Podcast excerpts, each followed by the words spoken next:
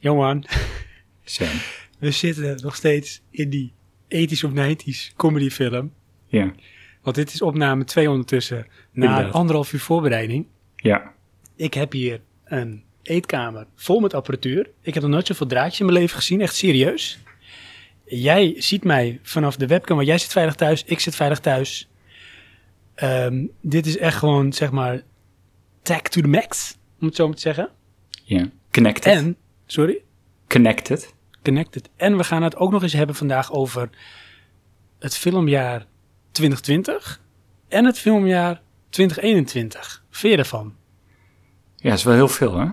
Dat is ook heel veel. En dus alles loopt waarschijnlijk deze aflevering volledig in het honderd, want het ging totaal niet de voorbereiding zoals ik hem had gepland en zoals hij was gewenst.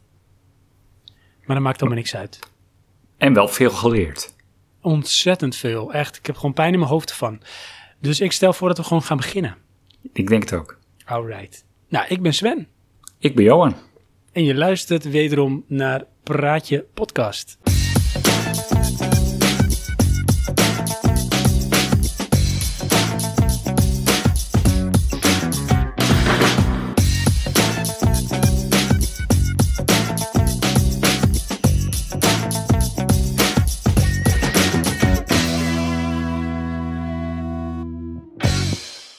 Heb je ook je adem ingehouden de hele tijd? Eh, bijna. Echt hè? Want ik zat Ja. van, dat ging net mis. Lief luisteraars, hallo trouwens. Leuk dat jullie er weer zijn. Ja. Er ging net wat mis. Want dit is, zeg maar, take two. En dat is nog best knap, hè? Dat je het in twee takes zou moeten kunnen redden. Dit is Ongeveer. pas take two in de laatste anderhalf uur. Ja, precies. Ehm, ik dacht net van, nou, toen, ehm, we hadden al een intro-stukje en toen kwam de leader. Nou, ten eerste zat Johan daar helaas onfortuinlijk doorheen. Kon hij, niet al, eh, kon hij niks aan doen eigenlijk, want ik had mijn vingertje niet opgestoken. En wederom, nu had ik het weer niet gedaan. Nee. Maar we hadden natuurlijk nu een afspraak wanneer die leader zou komen. Hoe dit nou zit, gaan we zo uitleggen hoor. Want het is natuurlijk een heel complex verhaal als je er geen beeld bij hebt. Maar wat deed ik nou, Johan? Ik drukte, eh, dacht ik even, op de mute-knop van mijn microfoon. Maar toen mute ik alles wat uit de mixer kwam. Dus ook mijn intro-leader was in één keer stil. Oké. Ja, dat kan ik niet online zetten. Nee. Maar dat risico is er dus. Nou ja, ik durf nu niet meer... Ik zie een andere knop waarvan ik denk dat dat hem is. Maar ik ga er gewoon niet aan zitten. Ik doe het niet. Oké. Nee, precies. Gewoon je adem inhouden. Ja, hey, want ehm, voor ehm, de beeldvorming van onze lieve luisteraars, Ja. wat hebben we geprobeerd te doen en wat zijn we aan het doen? Eh, twee dingen. Eén is, eh, wij proberen dit live op te nemen. Mhm. Dus zonder edits, gewoon één take klaar. Ja, En de andere is dat wij dit eh, vanuit onze eigen huizen doen. ja, En dan hebben we dus het nadeel dat we niet direct kunnen pluggen in het mengpaneel wat wij gebruiken. klopt. En ja, dat heeft er. Of dat heeft als gevolg dat we eigenlijk een online audiosignaal moeten zien te mixen met een, nou in dit geval jouw echte audiosignaal. Ja, En dat blijkt lastig te zijn. klopt. Ik zal jullie even meenemen, lieve luisteraars, in de wereld van ehm, live recording op afstand. En ik stel voor dat we daar meteen even onze huispianist bij uitnodigen, Johan. Je kent hem, hè? Ja, Wil jij het zeggen dit keer? Gaston. Ga je gang. Daar is hij. Hij is, hij is altijd hij is zo toonvast en ook meteen, hij zet hem in als het moet. En ik hoef hem ook geen eten of drinken te geven. Dat is Hij is er handig, altijd. Hij, ik zie hem ook altijd zitten. Dat is wel een beetje nasty hoor. Hij is Klinkt een beetje als een, eh een Shiri. Ja, zoiets ja. Ja. Maar dan met een eh, vleugel onder zijn arm. is hij niet Oké. vleugellam? Nou ja. Anyways, ik eh, haal even eh, Gaston uit mijn oor. Want Ja. dan heb ik een koptelefoon die wat prettiger zit. Want echt, luisteraars, het is een heel verhaal. Hoe zit het? Het zit als volgt. Ehm, we hebben een keertje al een live recording gedaan. Dat ging goed toch, Johan? Redelijk, ja.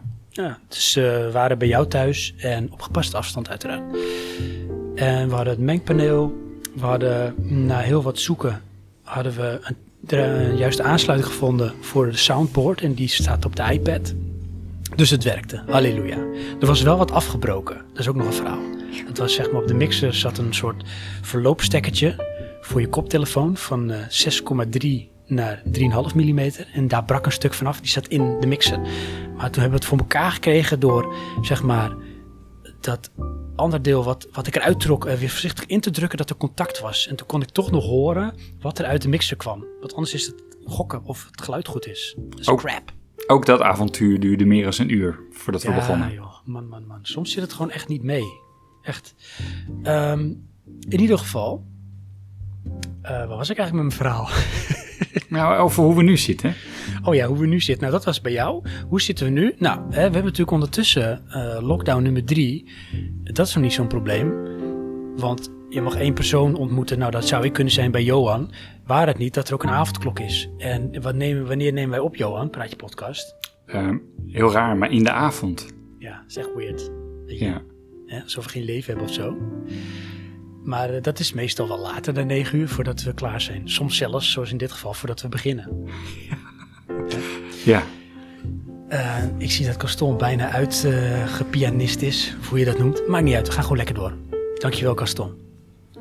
In ieder geval, dan gaan we het gewoon proberen op afstand toch nog live te recorden. Dus eh, we hadden wat spullen besteld bij Bakshop. Allemaal draadjes, dat we in ieder geval op een goede manier de iPad als soundboard op de mixer konden aansluiten. Het was mij gelukt gisteren om dat dingetje wat nog in de mixer zat, uiteindelijk met een schroefje eruit te pulken. ja, dat was wel een klein wonder hoor. Dat was een wat nog. Want eerst dacht ik van, weet je, ik ga het eerst gewoon met een schroevendraadje proberen. En toen dacht ik dat ik contact had met het deel dat er nog in zat. Maar Ja. elke keer als ik hem omhoog wilde pulken, dan zag ik dat hij een beetje te schuin zat. En dan, dan blokkeerde die, zeg maar, kwam hij niet door het geboortekanaaltje heen, om het zo maar te zeggen. Oké. Toen had ik, en dat is echt bizar Johan, op internet een thread gevonden op een forum, jaren geleden, van iemand die precies hetzelfde had, met precies hetzelfde mengpaneel. Dat geloof je niet? Ja, serieus.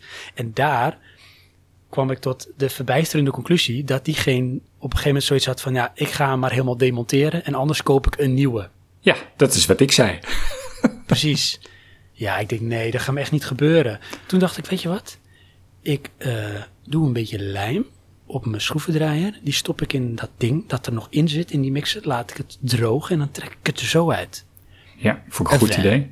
Nou, op papier een goed idee. Uurtje later dacht ik, nu is het wel droog. Ga ik het proberen. Ik heb het ook gefilmd, met Johan gedeeld. Moment Supreme, zag je zo'n mooie schroef, zag je zo in de mixer. Ik zal ook een foto op de website zetten van deze aflevering. Ik trek aan de schroevendraaier. De schroevendraaier komt er wel met heel veel souplesse uit. Zonder enige weerstand. Maar dat ding zat toch gewoon muurvast in de mixer. Dus dat werd hem niet. Crap. Jammer. Ik zag al de aanschaf van een nieuwe mixer steeds dichterbij komen. Maar dat is niet wat ik wilde. Toen dacht ik, weet je wat? Groffig geschud. Ik ga het proberen met een schroef. Boormachine. Oh, Ik ga niet met een boormachine. ja. Ik had een, een redelijk grote grove schroef. Die heb ik eerst contact laten maken met dat ding wat er nog in zat. En dat was eh, een combinatie van soort metaal en kunststof. En dan hoopte ik dat als ik die schroef voorzichtig ging draaien, dat het schroefdraad zich zou vast gaan zetten in het kunststof. En ik had het gevoel op een gegeven moment dat dat ook ging gebeuren. En toen zat hij ook best wel vast. Als in, als ik de schroef wilde bewegen, voelde ik heel veel weerstand. Dus ik denk, of ik trek nu het minkpaneel binnenste buiten, of dat ding komt eruit. ja, die hele sokken eruit. Ja, daar was ik bang voor. Dus ik begin langzaam maar zeker kracht te zetten op die schroef. Trek hem omhoog. En op een gegeven moment had ik een gevoel van, het gaat gewoon gebeuren. En ik trek hem eruit en ik zie dat dat uiteinde van, zeg maar het verloopstukje wat al die tijd erin had gezeten, dat die aan het uiteinde van mijn schroef zat. Ik geef mezelf even applaus. Oké. Het is gewoon fantastisch. Ik was echt heel blij. Dat hoor je. Had je daarin dan ook zo'n zo'n Dr. Bibber moment? Ja, want ik wilde absoluut niet eh, de aansluiting beschadigen aan de binnenzijde. Weet je wel? Dus het moest wel soepel gaan. En toen had ik hem eruit, was ik heel blij. Maar ik, en dat had ik ook gezegd in het filmpje, want ik had het filmpje naar gestuurd, van ik kon het eigenlijk gewoon niet geloven. En het is heel stom hoe dat werkt, maar dat herkennen jullie vast ook wel, lief luisteraars. Dat je, dat is mijn telefoon, dat je dan blij bent met een soort status quo die eigenlijk eerst naar beneden was gezakt en nou ben je weer terug op dat ene punt. Je bent eigenlijk gewoon niet eens verder. Je bent gewoon weer daar waar je was, maar daar ben je dan in één keer heel blij mee. Eh, ja, maar dat komt omdat het dus minder stuk is. Ja, Dus Ja, het is dat. minder erg. Je kan Ja. verder. precies. Nou, en ondertussen had ik al bij Bakshop dus eh, wat dingen besteld. En een nieuw mengpaneel. Een nieuw mengpaneel, ja. Nee, een, eh, een steviger, op het oogt steviger eh, verloopstuk. Wederom van 6,3 naar 3,5. Maar nu ook met een splitterfunctie. Want we willen toch het liefst altijd gewoon ehm, face-to-face opnemen. En dan kan zowel Johan als ik een koptelefoon dragen. En horen we ook eh, de soundboard. Dus dan horen we Gaston, dan horen we de tussenliedjes. En dan is het ook voor Johan beter te anticiperen wanneer dingen er zijn of niet. Want nu moet hij heel veel dingen in gedachten doen. Nu dus niet, omdat we dit op afstand van elkaar hebben gekregen. Maar nou loop ik te frunniken, want ik heb twee koptelefoons op. Dat is echt alles behalve comfortabel. Maar goed, het is gelukt. Het, was, het is ondertussen ehm, bijna twee uur verder. We zijn het opnemen, Johan. Halleluja. Inderdaad. Eh, we gaan het straks hebben dus over ehm, films. Eh, we zitten Ook natuurlijk in ja. corona. De wereld is, staat in de brand. Het is nog steeds niet voorbij. 2020 was een heel raar filmjaar. 2021 is heel onzeker. Er zijn heel veel films uitgesteld. Gaan we het straks allemaal lekker over hebben. Gaan we ook onze top-series en films die we afgelopen jaar hebben gekeken delen. Films en series waar we aan willen beginnen of waar we naar uitkijken. Komt allemaal, eh, het passeert allemaal de revue. En we hebben heel veel input gekregen van onze luisteraars, onze lieve luisteraars. Dank u wel. En ook dat gaan we allemaal behandelen. Met respect. Maar voordat we dat doen, Johan, Oh, ga ik eerst gewoon de vraag stellen aan jou. De check-in.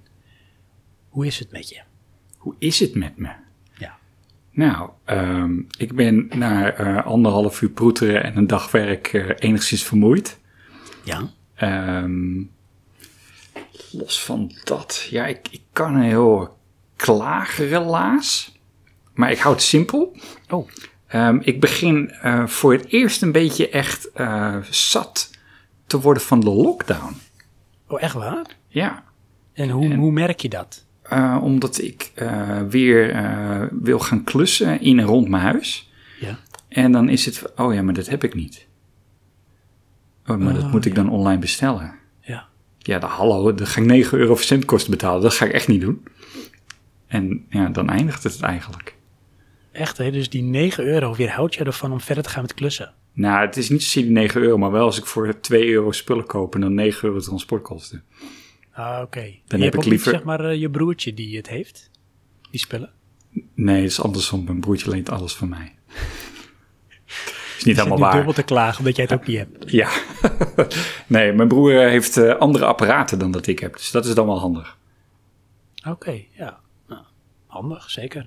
Maar jij bent het dus een beetje zat. Merk je het ook aan andere dingen?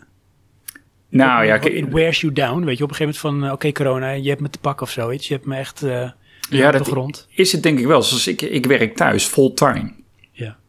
En ik zit al bijna een jaar thuis. ja. Het is echt heel raar, hè? Vroeger Ja. zei dat als je dan zeg maar zonder werk zat. Eh, eh, ja, dat zeg je wat, ja, inderdaad. Ik zit bijna een jaar thuis, man. Ik word er gek van. Ja. En nu is het van, eh, ik zit al bijna een jaar thuis, man. Ik word er gek van. Maar ik ben Klopt. gewoon fulltime aan het werk, thuis. ja. Maar ja, dat, ehm, ja, ergens mis ik dat toch echt wel. Had je dat van tevoren? Had je dat verwacht? Dat Nee. je dat zeg maar zo, dat je daar zo op zou terugkijken of dat je dat zo zou ervaren? Nee, nee, want ik zie mezelf eh, als iemand die goed alleen kan zijn. Mhm. En ik ben van mening dat ik dat ook nog steeds wel kan, eh, vergeleken met andere mensen. Ja. Alleen eh, andere mensen zijn bij mij een soort van, ehm, hoe moet ik dat zeggen, sociale controledienst. Dan, ehm, ja, reflecteer ik wat positiever. Oh, dus als jij te lang zeg maar de kluisenaar bent, dan op een gegeven moment dan consumeert het je. Ja, en dan word ik eh, intolerant. Oh ja, Om, nog ehm, intoleranter. Ja, nog intoleranter. Ja, dat hou je haast niet voor mogelijk. Maar eh, de meeste mensen hebben een schaal van 1 tot 10. Ik haalde makkelijk de 20. Oh echt? Nee, maar ehm, moet ik het zeggen? Met woorden. Ik ga dat doen met woorden. Oké. Ehm, in het algemeen, als mensen mij iets vragen. Dan wil ik ze wel helpen. Maar als mensen mij bellen en mailen, dan is het ja, wat nou weer?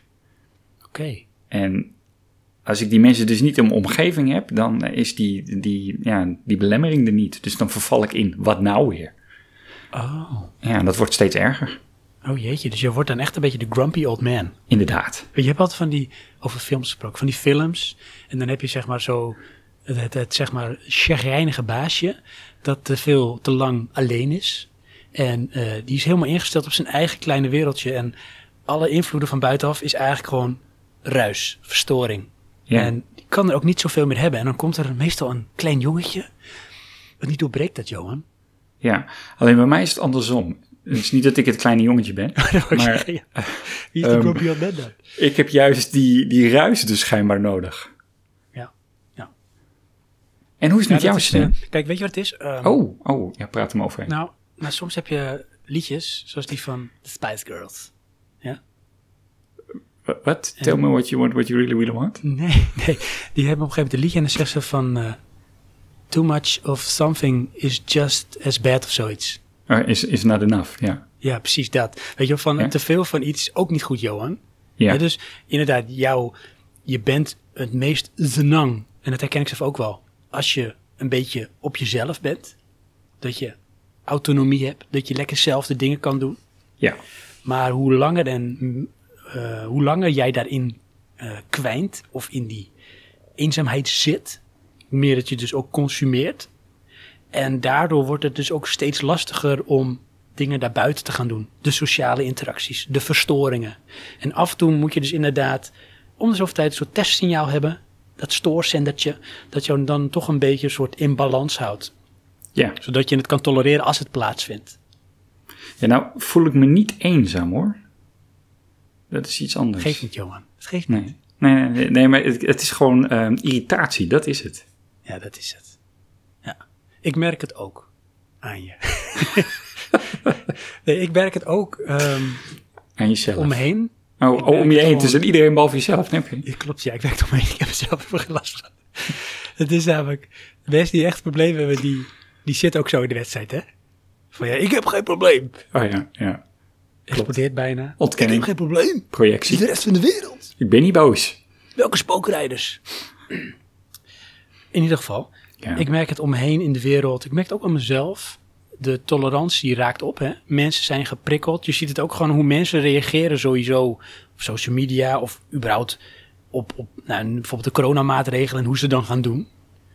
Ja? Ja. En dan denk ik van, mensen denken ook de wereld staat in de brand. En het is misschien ook wel zo, maar aan de andere kant is het een opstapeling van frustratie. Dus wat wil je? Het gaat gewoon een keer eruit. En eh, nou, dat zag je nu bijvoorbeeld dat de avondklok werd geïntroduceerd. Een klein groepje mensen pikt dat niet. Die misbruiken het voor dingen die daar helemaal niks mee te maken hebben. Die gaan rellen, weet ik wat. Maar er is ook gewoon een groep die wil ventileren. En je ziet gewoon ook eh, die groep, maar ook de groep die erop reageert. Er is weinig tolerantie, er is weinig begrip, er is heel veel frustratie. En wat mensen moeten proberen te relativeren, en ik vind het ook heel moeilijk, is dat dat een gevolg is van iets anders, weet je wel. Dus nu zitten mensen te fitten op hetgeen wat er dan op dat moment plaatsvindt. Bijvoorbeeld de avondklok of het rellen en dan de reacties daarop. En de reacties op de reacties. Maar het heeft natuurlijk uiteindelijk alles te maken met de situatie waar we al een jaar in zitten. Dus het is logisch dat het op een gegeven moment keer op is, die koek. Ja. En als je dat maar toch kan relativeren op een of andere manier. En dat je weet dat, hoe ernstig het nu ook lijkt, dat het sowieso niks is in vergelijking met wat andere mensen wel eens meemaken. In andere landen of misschien in de oorlog. En dat het ook een keertje eindigt. Ehm, Ik ga mezelf Oké. applaus geven. doe dat. Doe dat. Dankjewel. Dankjewel. Ja, nu wekt Sven wel de suggestie dat ik voor hem applaudisseer, maar dat doe ik echt nooit hoor. Nee, dat is echt het laatste wat je doet. Want je bent de grumpy old man. maar ehm, weet je Johan, ik vind het wel heftig. Eh, in het algemeen bedoel je? Nee, ook voor jou. Oh, ook voor mij, oké. Nou, wat ga je Ja. er nu aan doen? Heb je daarover nagedacht? Nee. Ik eh, kan er niet zoveel aan doen. Oké. We zitten namelijk een beetje in lockdown. Oké. Wil, je een, wil je een tussenliedje dan? Dat we maar. zeg maar overschakelen naar een volgend gesprekje. Iets fleurigs. Ja? Ja. Wil je iets fleurigs? Een beetje Ja. upbeat? Ik heb upbeat heb ik hier tussen staan in mijn eh, soundboard. Komt-ie. Moet je wel 60 seconden stil zijn, Johan?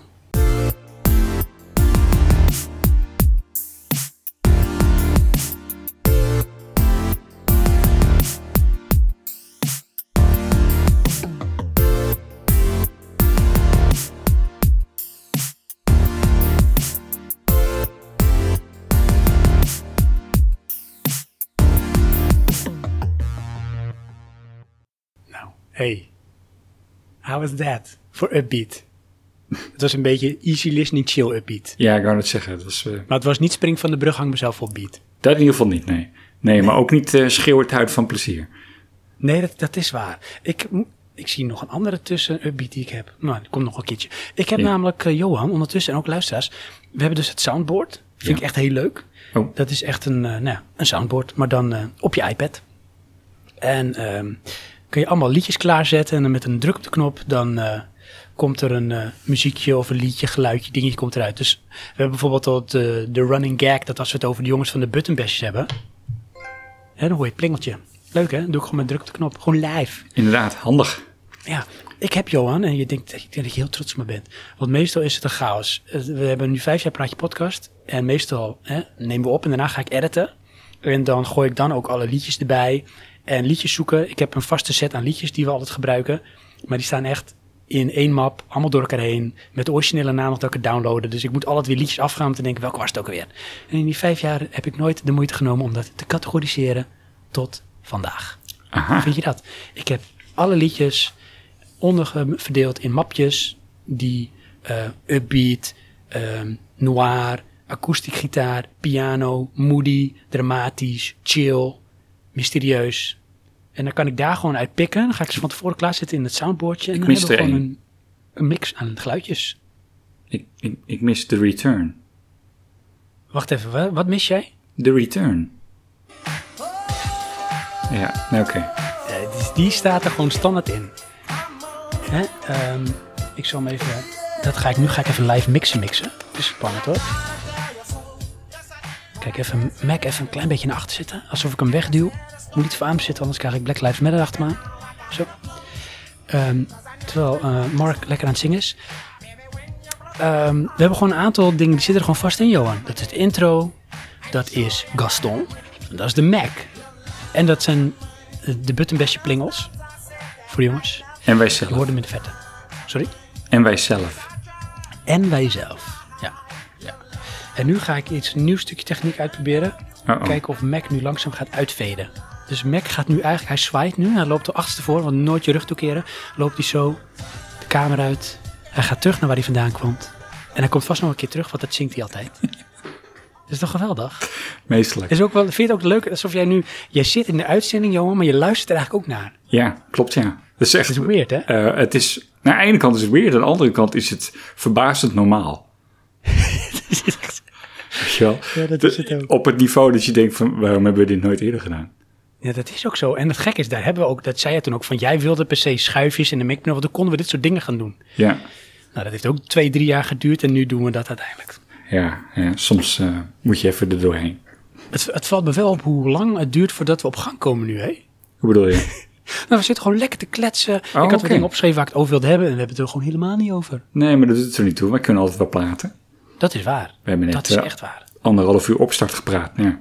Nee, dat maakt niet uit. Ik heb trouwens ondertussen een... eh, kijk Johan, laat hem ook aan jou zien. Want, eh lieve luisteraars, Johan die ziet mij. Ik heb mijn webcam aan, want dan kan ik Ja. dus de cues geven van er komt iets. Ik zie Johan niet. Nee. Maar dan wil ik wel even zeggen, Sven heeft de, de webcam op zo'n manier gepositioneerd dat hij op mij neer kan kijken. Het is echt zo, ja. Johan is echt laag bij de grond. Kijk Johan, zie je dat? En lieve Ja. luisteraars, moet je horen. Ik heb een eh Jopen IPA. Een nonnetje noemen ze deze. En dat is een IPA zonder alcohol. Oh, Dus kan ik toch van mijn biertje genieten zonder dat er alcohol in zit. en zonder dat je hoeft te rijden. Ja. Want Dus dat af en toe, eh, ga ik af en toe aan nippen. En dan zal mijn geluid iets minder zijn, want dan praat ik niet in de mic. Inderdaad. Weet je waar ik ook ondertussen heel erg naar uitkijk, Johan? Nou, Het moment dat we toch weer live opnemen bij elkaar. Dat jij ook die microfoon op je hoofd krijgt. Nee, uh, weer heeft microfoon omhoog. ik weet niet wat het is, hè. Dat, dat wil je per se, hè? Ja, ik zou dat wel graag willen. ik zou het zo leuk vinden. Ja. Als, als ik dan binnenkom en dan zeg je, ik heb alles al klaargezet. En dan kijk ik je aan en dan is er een soort rare stilte. Een soort met Family Guy stilte. En dan heb jij echt een microfoon op je hoofd. Ja. En met eh, elastiek. Ja, en dan praat je in je koptelefoon. Dat is dus sad, maar goed, ga verder. Ja. Wat zou leuk zijn?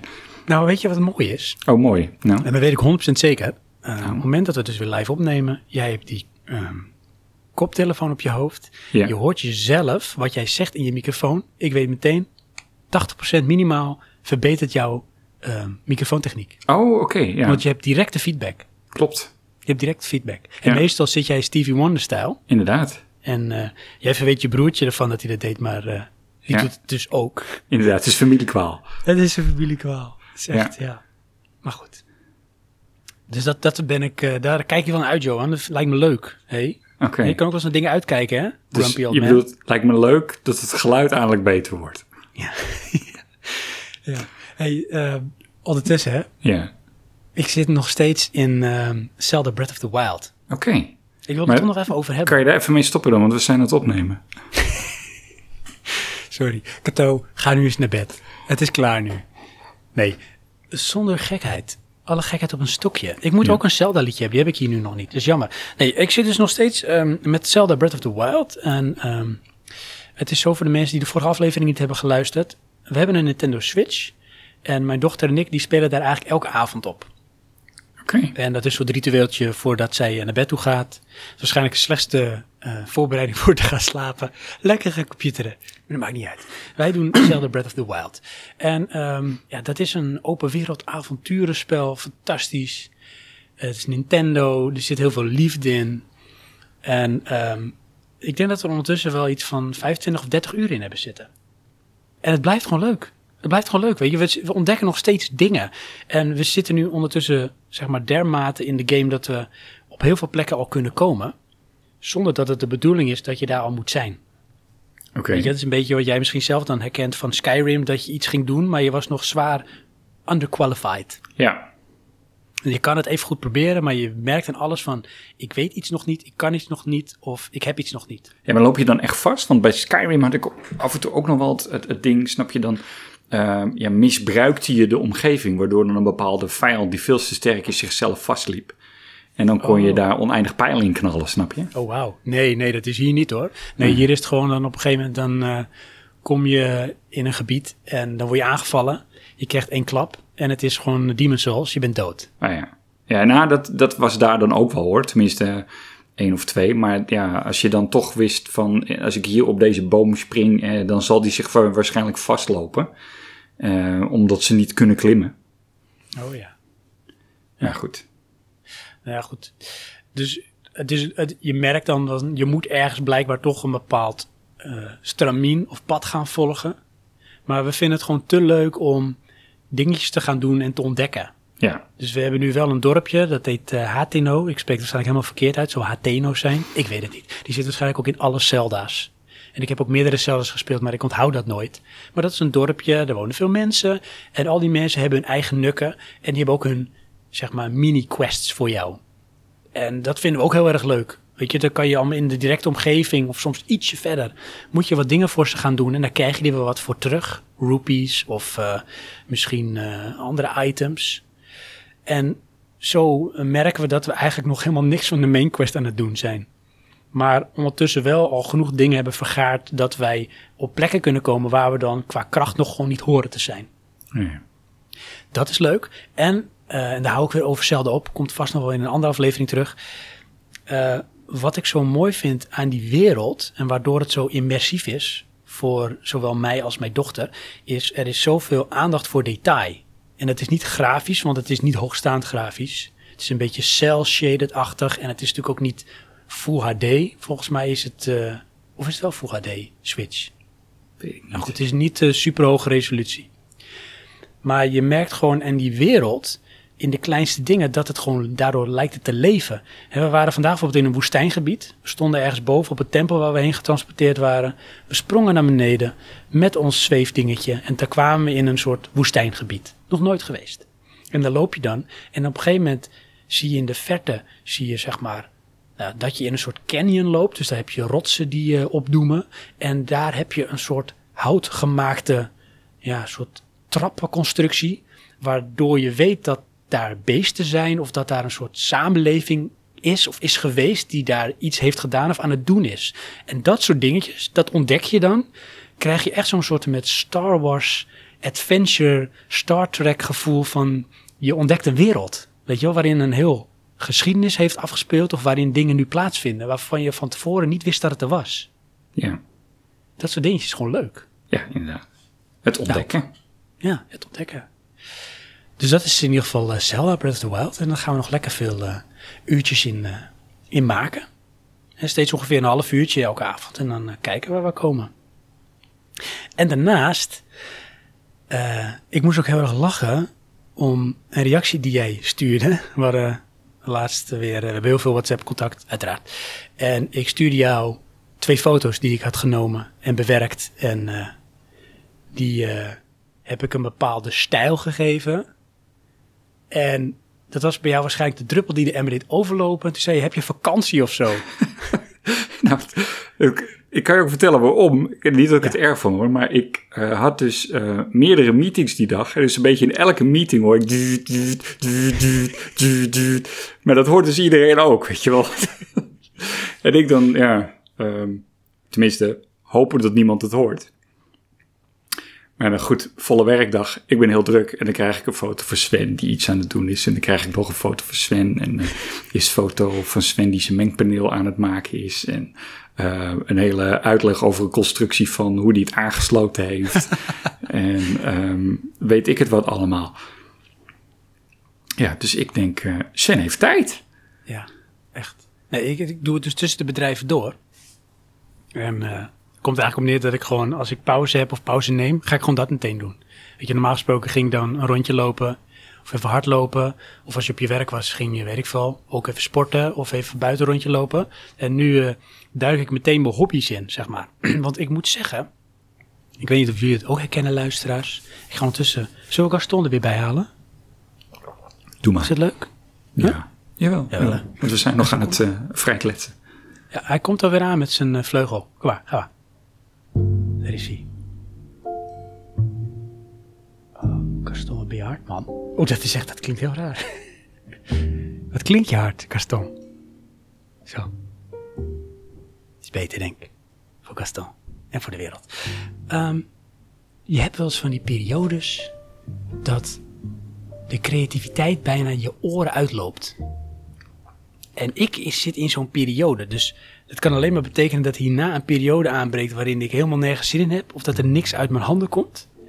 Maar de laatste tijd, de laatste weken, maanden, merk ik gewoon dat ik dingen oppak. En dat ik dan heel veel dingen ook leuk vind. Vooral op het gebied van creatie. En dat ik denk, ik ben een god. Nee hoor. Maar dat ik dus dingen wil gaan doen. Wil gaan maken. En dat is met name voor mij fotograferen, filmen en dit soort dingen. Met audio bezig zijn. Uh -huh. En op mijn werk hebben we nu iets heel leuks. Ik ben uh, op mijn werk, zeg maar, op papier adviseur. Dus dat is eigenlijk waar ik ook mijn werk in doe. Ik adviseer. Maar ik probeer ook altijd mijn hobby gewoon lekker mijn werk in te slepen. En daar vermoei ik mensen mee. Ga ik ze dingen laten zien die ik gemaakt heb. Of dan uh, probeer ik de podcast lekker een beetje te primen aan ze. Vaak lukt dat, soms ook niet. Maar ik vind bijvoorbeeld fotograferen en filmen heel leuk. En uh, ik heb met jou, Jo, natuurlijk een vlog gemaakt voor het werk.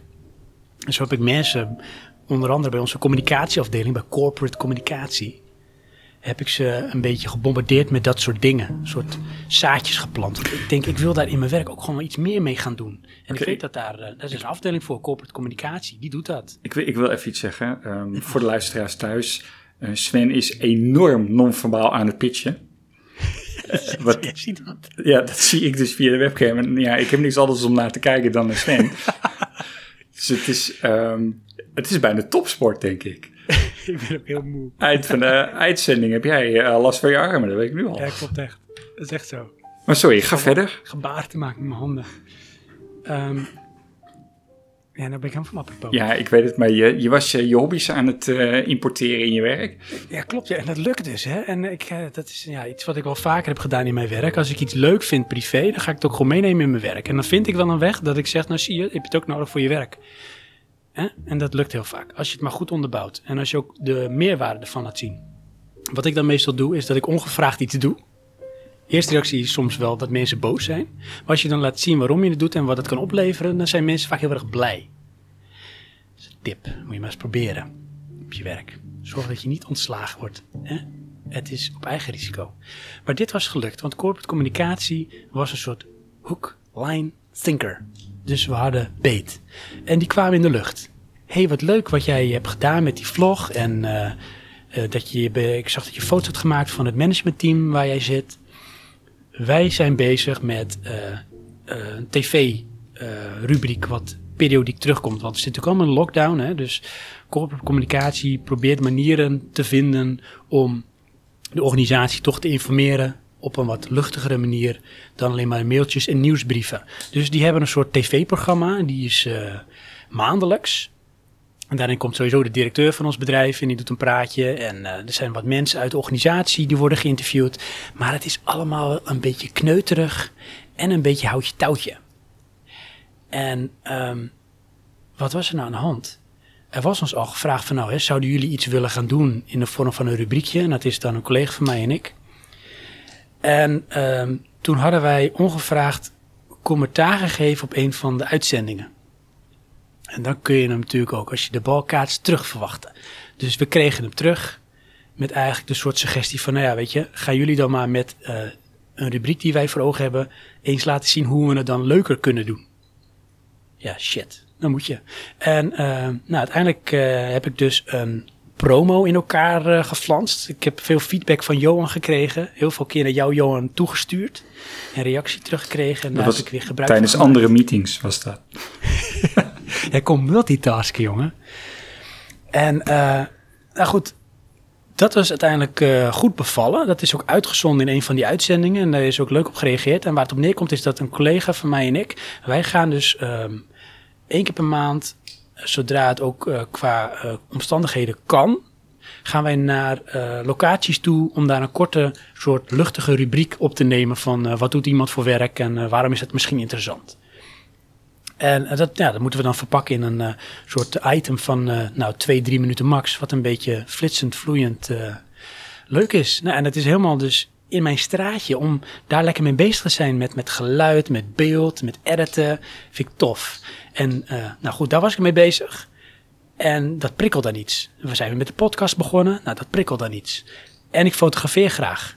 Dus daar ben ik ook steeds meer mee bezig. En dat gaat eigenlijk ook wel lekker. Ik ben een beetje bezig met, met wat stijlen uit te werken. Eentje daarvan is dus Dark Moody. En daar heb ik Johan dus mee belast met die foto's. Een ander ding is, eh, heb ik Johan ook gevraagd van...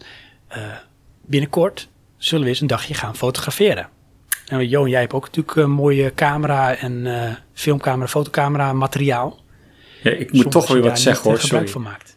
Sorry. Ja. Ehm, wij hebben vooruit deze, eh, vooraf van deze uitzending afgesproken dat Sven mij een, een non-verbale communicatie zou doorsturen wanneer er een leader ingestart werd. Eh, ik denk dat we er nu al 40 gehad eh, hadden moeten hebben. Nee, weet je wat we afspreken, Johan? Dan doe ik dit zo.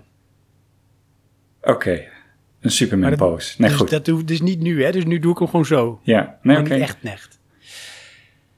Ga verder. Dus, Filmcamera's, ben- ja.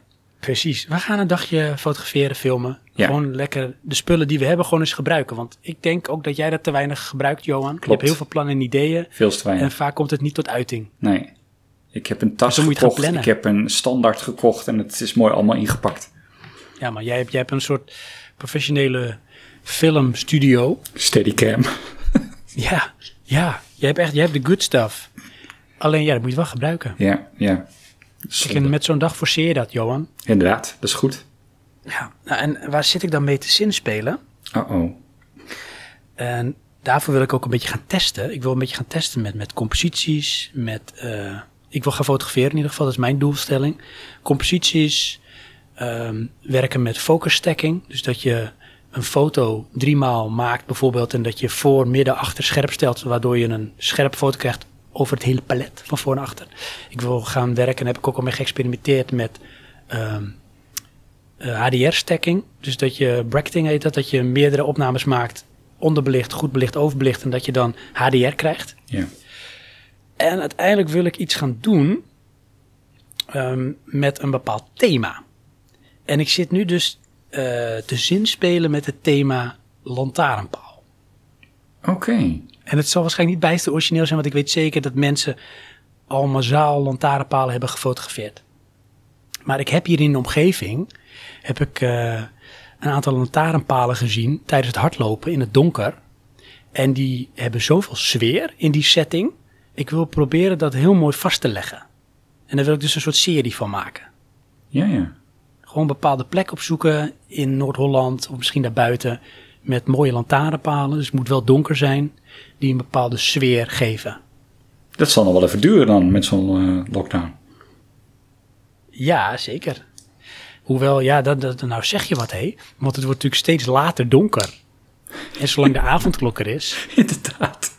Maar god, Johan. Maar dat maakt niet uit. Kijk, dan kan je lang voorbereiden. Ja, inderdaad. Hè? Zo gaat dat. Ja. Mijn vrouw zegt van, eh, jeetje man, hou eens op met die onzin. En ik heb zoiets van, ja, je moet jezelf ook een bepaalde uitdaging opleggen. En geef het dan ook maar een thema of zo, weet je wel. Want dan ga je er ook wat mee doen. Wat heb jij al nagedacht, Johan? Ik ga hem gewoon eens opwerpen, die vraag. Wat, wat is jouw doel? Wat wil jij gaan doen? Eh, Heb je een doel? leven of met mijn filmcamera? Beide. We beginnen maar met je filmcamera. Ja, nee, ik, eh, volgens mij heb ik dat al verteld in de podcast, maar ik kijk een, wel de laatste tijd wat minder, een eh, YouTube-kanaal over iemand die eh, woont in Japan. En die maakt volgens mij zo'n beetje elke week een opname. En dan loopt hij gewoon rond. En ik kan daar gewoon echt, ik kan daar naar kijken. En ik kijk daar dan niet naar van, oh wat interessant, dan moet je kijken. Maar het is een beetje background noise. Het is ontspannend. Wauw. En dan Ja, dat, eh, zit ik ehm, heel veel te denken aan eh, onze podcast over, ehm, eh, ik wil zeggen de bouwvereniging, maar de, eh hoe heet het nou? Ehm, dat we het hadden over eh, het einde van bezit. Ja. Die podcast moet ik dan heel veel over nadenken. Ja. Eh, in ons gesprek over dat er, eh, ehm, de gemeente een mening heeft over hoe de buitenkant van je gebouw eruit mag zien. Oh ja, ja. En eh, als je dan Japan ziet, dan denk je, ja, daar bestaat dat gewoon niet. Dat zie je gewoon. Dat zie je gewoon. Ja, want iedereen bouwt maar gewoon wat, wat ze willen. Ja. En het ziet er fantastisch uit, wil ik nog even zeggen. Ik ga ook niet in discussie doen. Sneer. dan- ja, dan zitten we er weer in. Nou, dat is goed voor jou, Johan. Ja, You maar you, ehm, Johan. hoe dan ook, ehm, ik kijk dat en dan denk ik, ja, kan ik ook. Ja. En het is niet zozeer dat ik dat wil evenaren, maar meer dat ik dan met mijn camera bezig ben.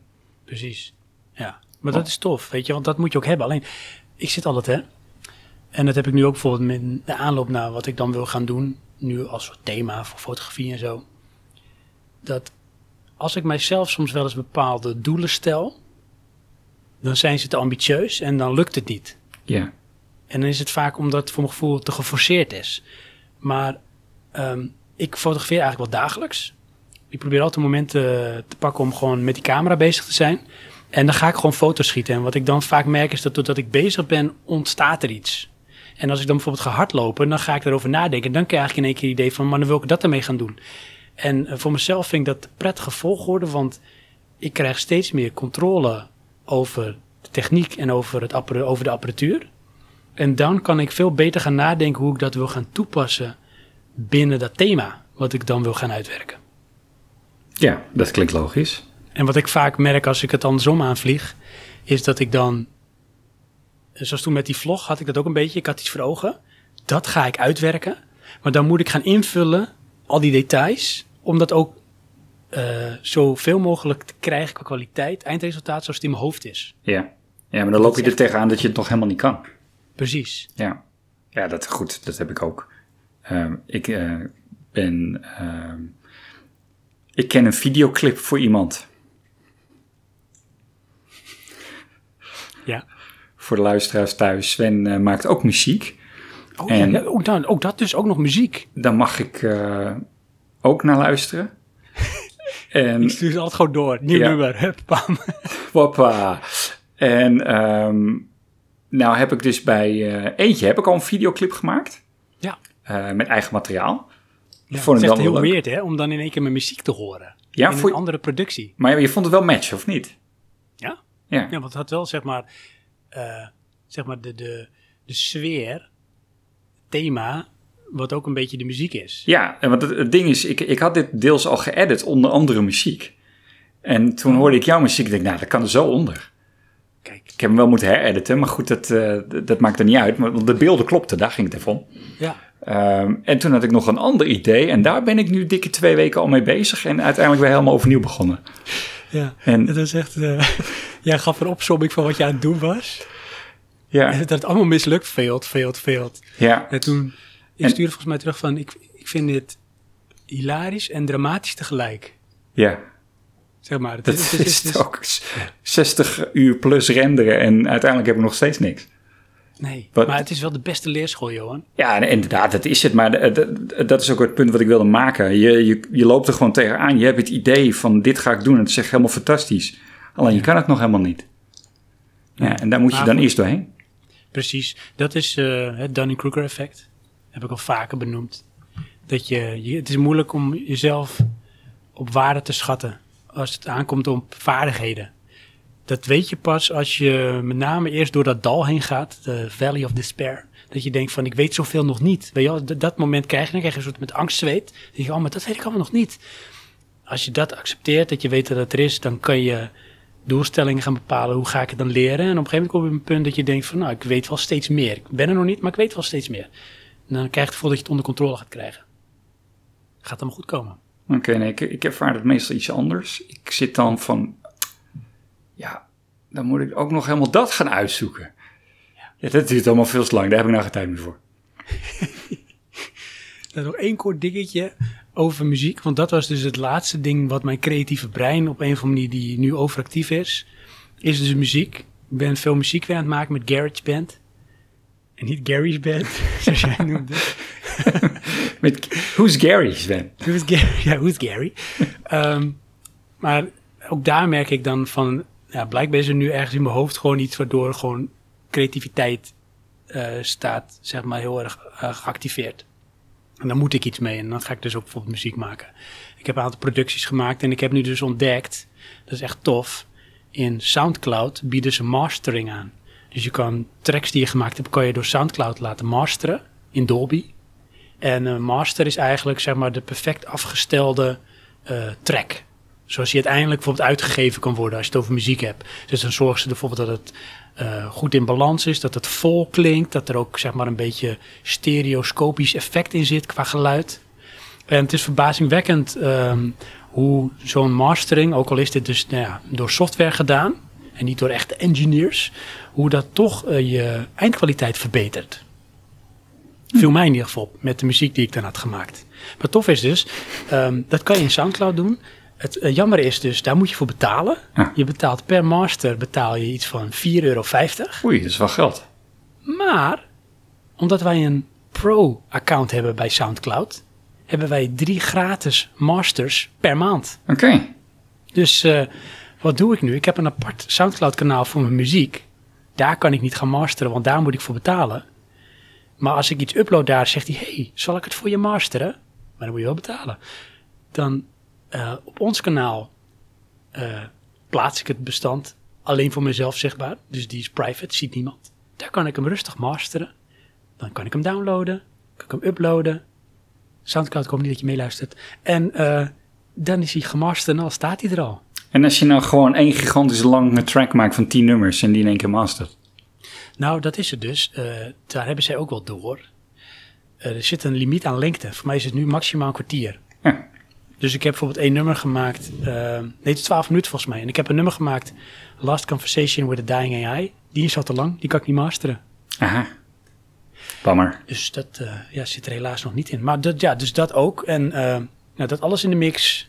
Lekker creatief bezig. En ehm, ik zeg, er komt een periode dat waarschijnlijk helemaal niks meer uit mijn handen komt. Dan moet ik even helemaal weer recapituleren, Johan.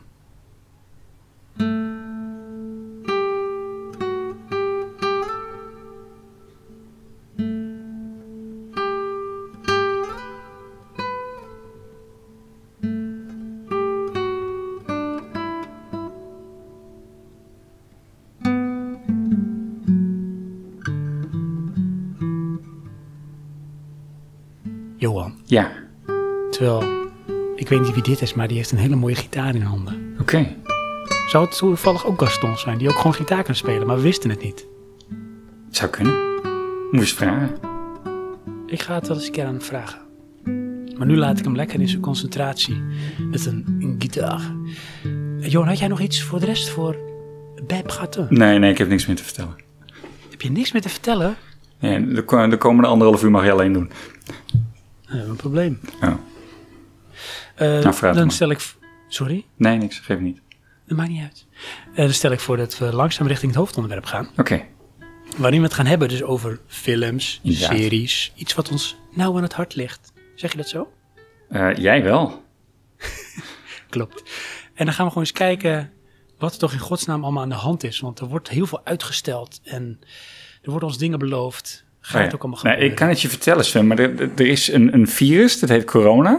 En dat heeft heel veel impact op al die dingen. Ik vind het ongelooflijk. Ja. Weet je wat ik gedaan heb, Johan? Nou, Ik heb speciaal voor dit eh, hoofdthema, ja. dit onderwerp, terwijl ik onze gitaarman langzaam de laan uitstuur. Zo. Ik heb een heel mooi thema muziekje gekozen. Die heb ik ook genoemd thema filmjaar 2021. Oké, En die ga ik zo direct lekker inzetten. ja. En dan gaan we lekker over films praten. Ah, Het duurt wel lang voordat die man met die gitaar weg is. ja, inderdaad. Ik eh, denk, eh, die wil niet. Of misschien is dit toch Gaston, die denkt van, dit is het moment. Nu moet het, nu moet het. Ah, hij is weg. Hij is weg. Oké, Hey, ik zou zeggen, we gaan naar het hoofdonderwerp. yes.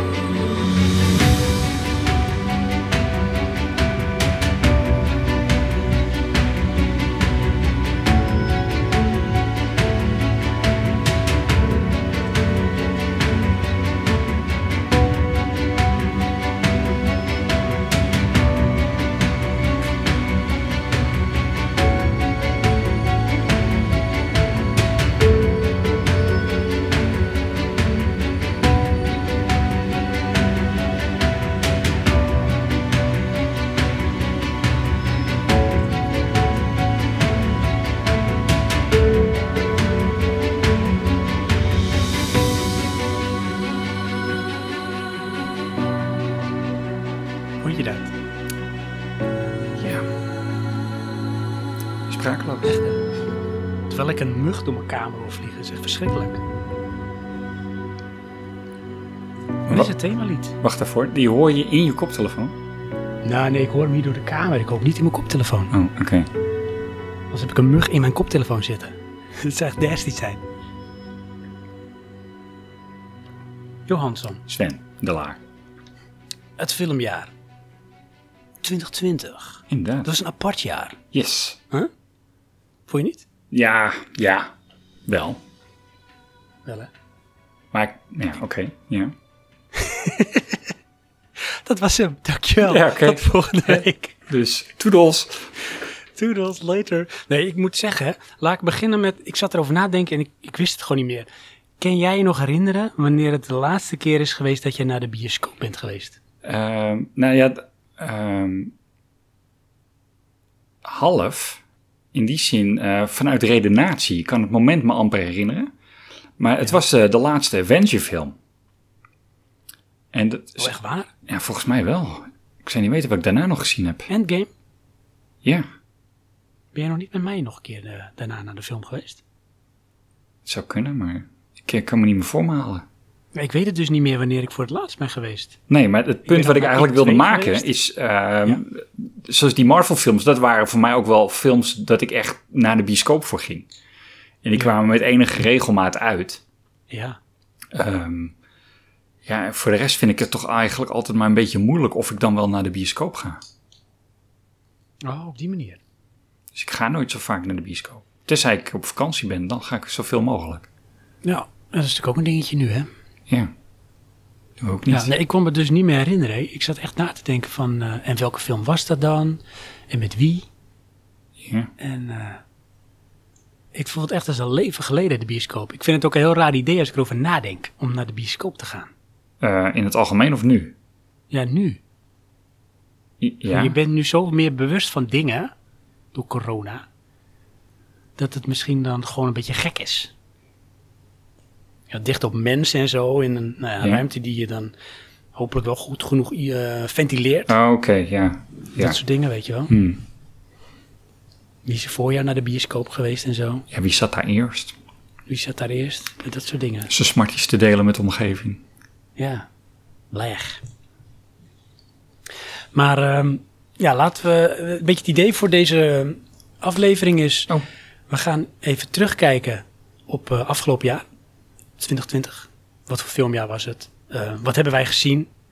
Eh, wat waren daarin voor ons eh, misschien de hoogte- of dieptepunten? Qua films en series. Mhm. En dan gaan we kijken naar dit jaar. Oké.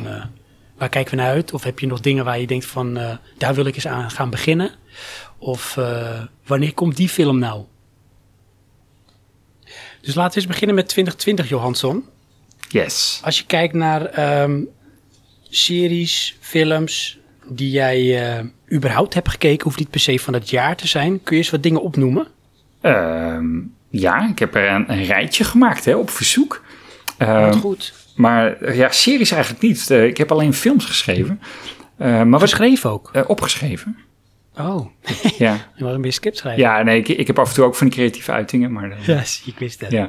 Nee, ehm, Split. Ja? Die heb ik gekeken. Oh, van um, M. Night Shyamalan. Inderdaad. En ehm, ik heb eh, vooral veel Netflix-films eh, in mijn lijstje staan. Ja, heb ik ook wel. Ehm, maar degene waar ik het meest van onder de indruk was, eh, en ja, die wil ik toch echt wel aanraden, heb ik waarschijnlijk ook al verteld, is Tenet. Tenet. Ja, We hebben het er niet over gehad, hè? nee? Nee, Oh. nee, want ik heb hem ook gezien. Oké, Maar ik heb er nog niet met jou over gehad dat jij hem hebt gezien. nee, schijnbaar. Dus ik ben heel benieuwd. Heel benieuwd. Ja, ik kan ook nog. eh, eh, dit waren de films die ik wel goed vond hoor. Dus die ik ook eh, zou aanraden. Ik heb geen films opgeschreven die ik slecht vond. Ah, Oké, nee, dat maakt niet uit. Maar ehm, als we het eens over Tenet hebben, hè, want die had ik ook in mijn lijstje staan, die ik vorig jaar gezien heb. Ja. Ehm, eerst voor de mensen die het helemaal niet weten, Tenet, wat is dat? Het is de laatste film van Christopher Nolan. De regisseur van Batman. Mhm. Ben ik een groot fan van. Fan is zwaar woord, maar goed, ik vind het een hele tof film. Ehm, en ja, het gaat eigenlijk weer over tijdreizen.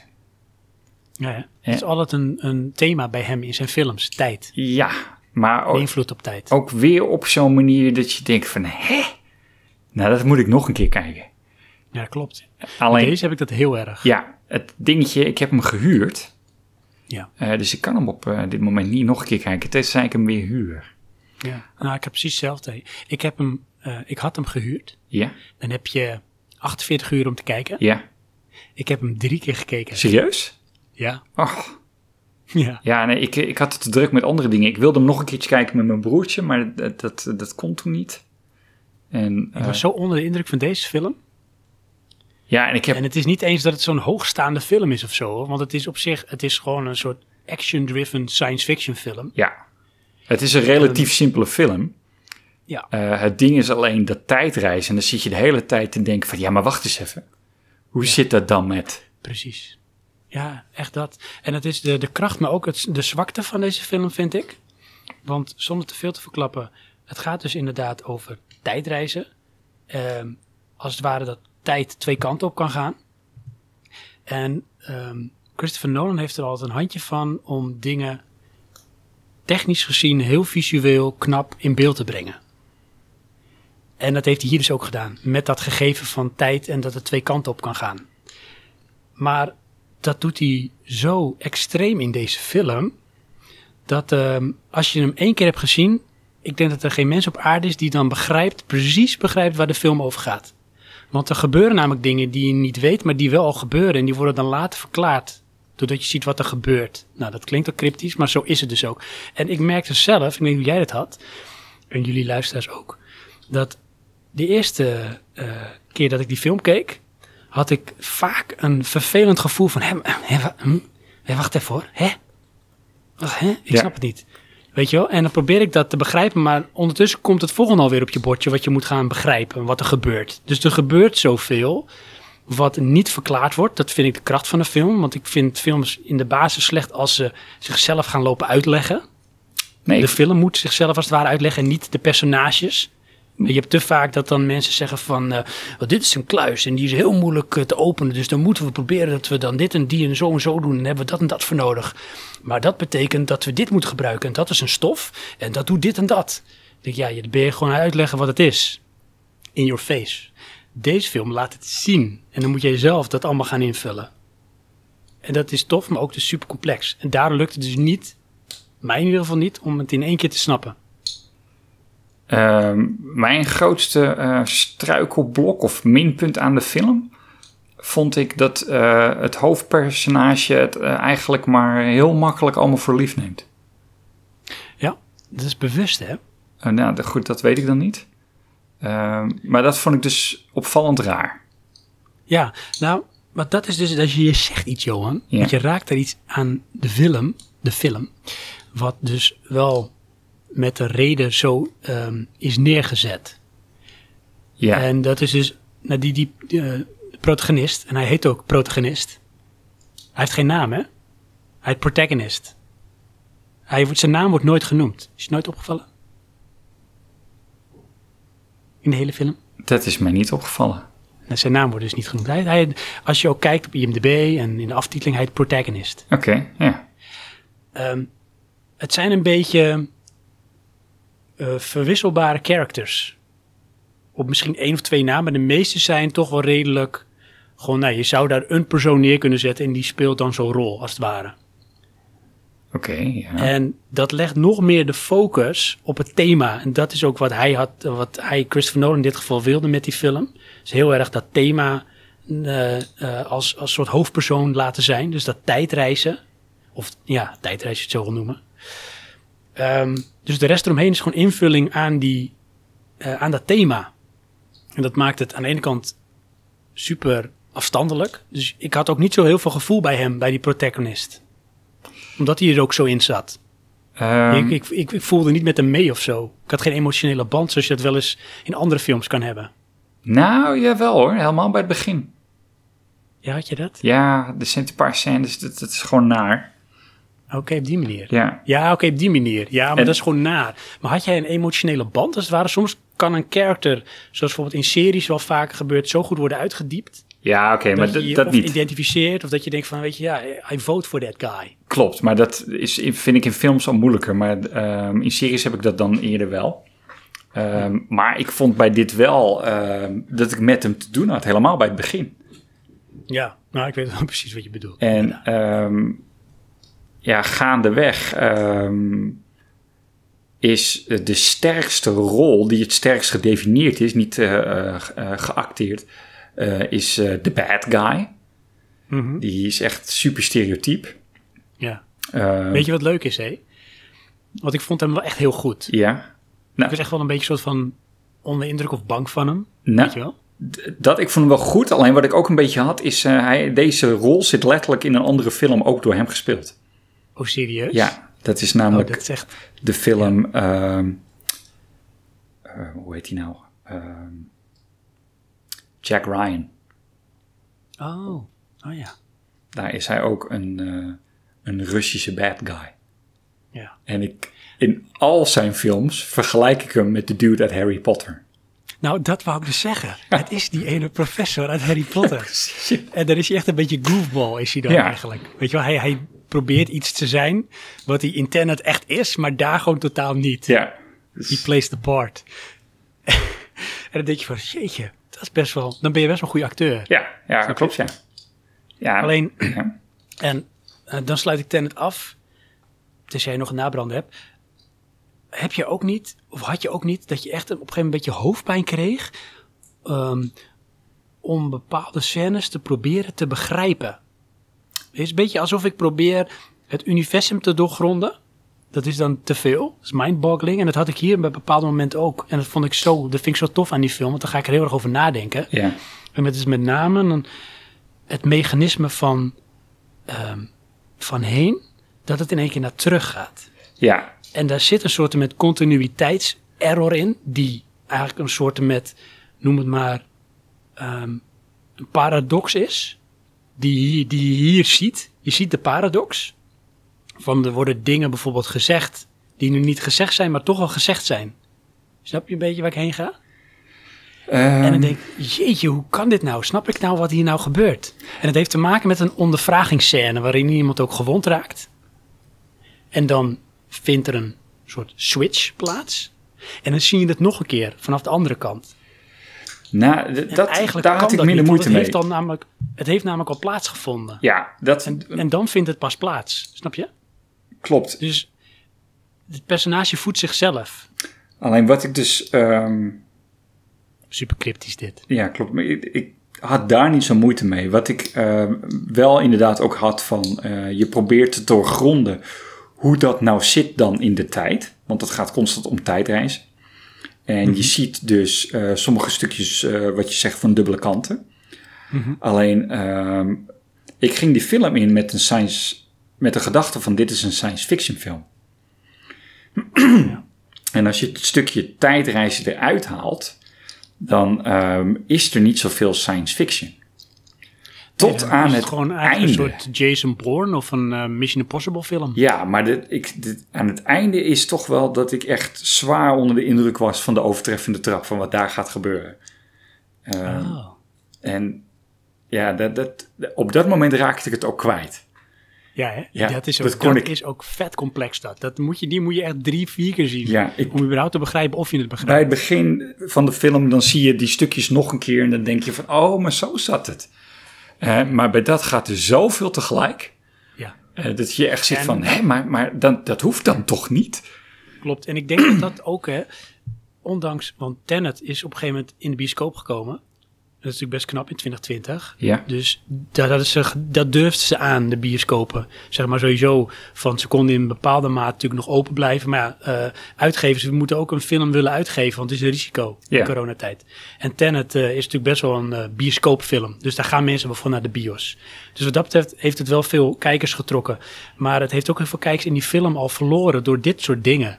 Weet je wel, je gaat het niet in één keer snappen. Een groot deel die een bepaalde film verwacht, krijgt dat niet te zien. En die gaat totaal eh, eigenlijk in de war eh, de, de zaal uit. Ja, Wat is er nou gebeurd? Ik snap er geen reet van. nee, nee inderdaad. Het, eh, het, het is een, een gevorderde film. Ja. Zou die niet een beetje dan te veel hebben geprobeerd te doen nou ja, in één film? dat denk ik, dat weet ik niet, want ik vond het dus wel een goede gelaagdheid. Ehm, maar ik moet er wel bij zeggen, ik wilde deze film zien, want het is een, Chri- is een Christopher Nolan film. Ja. En ik denk, als je er niet zo in staat, ehm, dan zal je die film misschien anders gaan waarderen. Eh, want hij wordt, eh, ja, ik denk toch te slecht uitgelegd. Ja. In tegenstelling tot bijvoorbeeld een Inception. Ja, want in Inception heb je nog dat het hoofdpersoon is eigenlijk wel degene die het verhaal vertelt.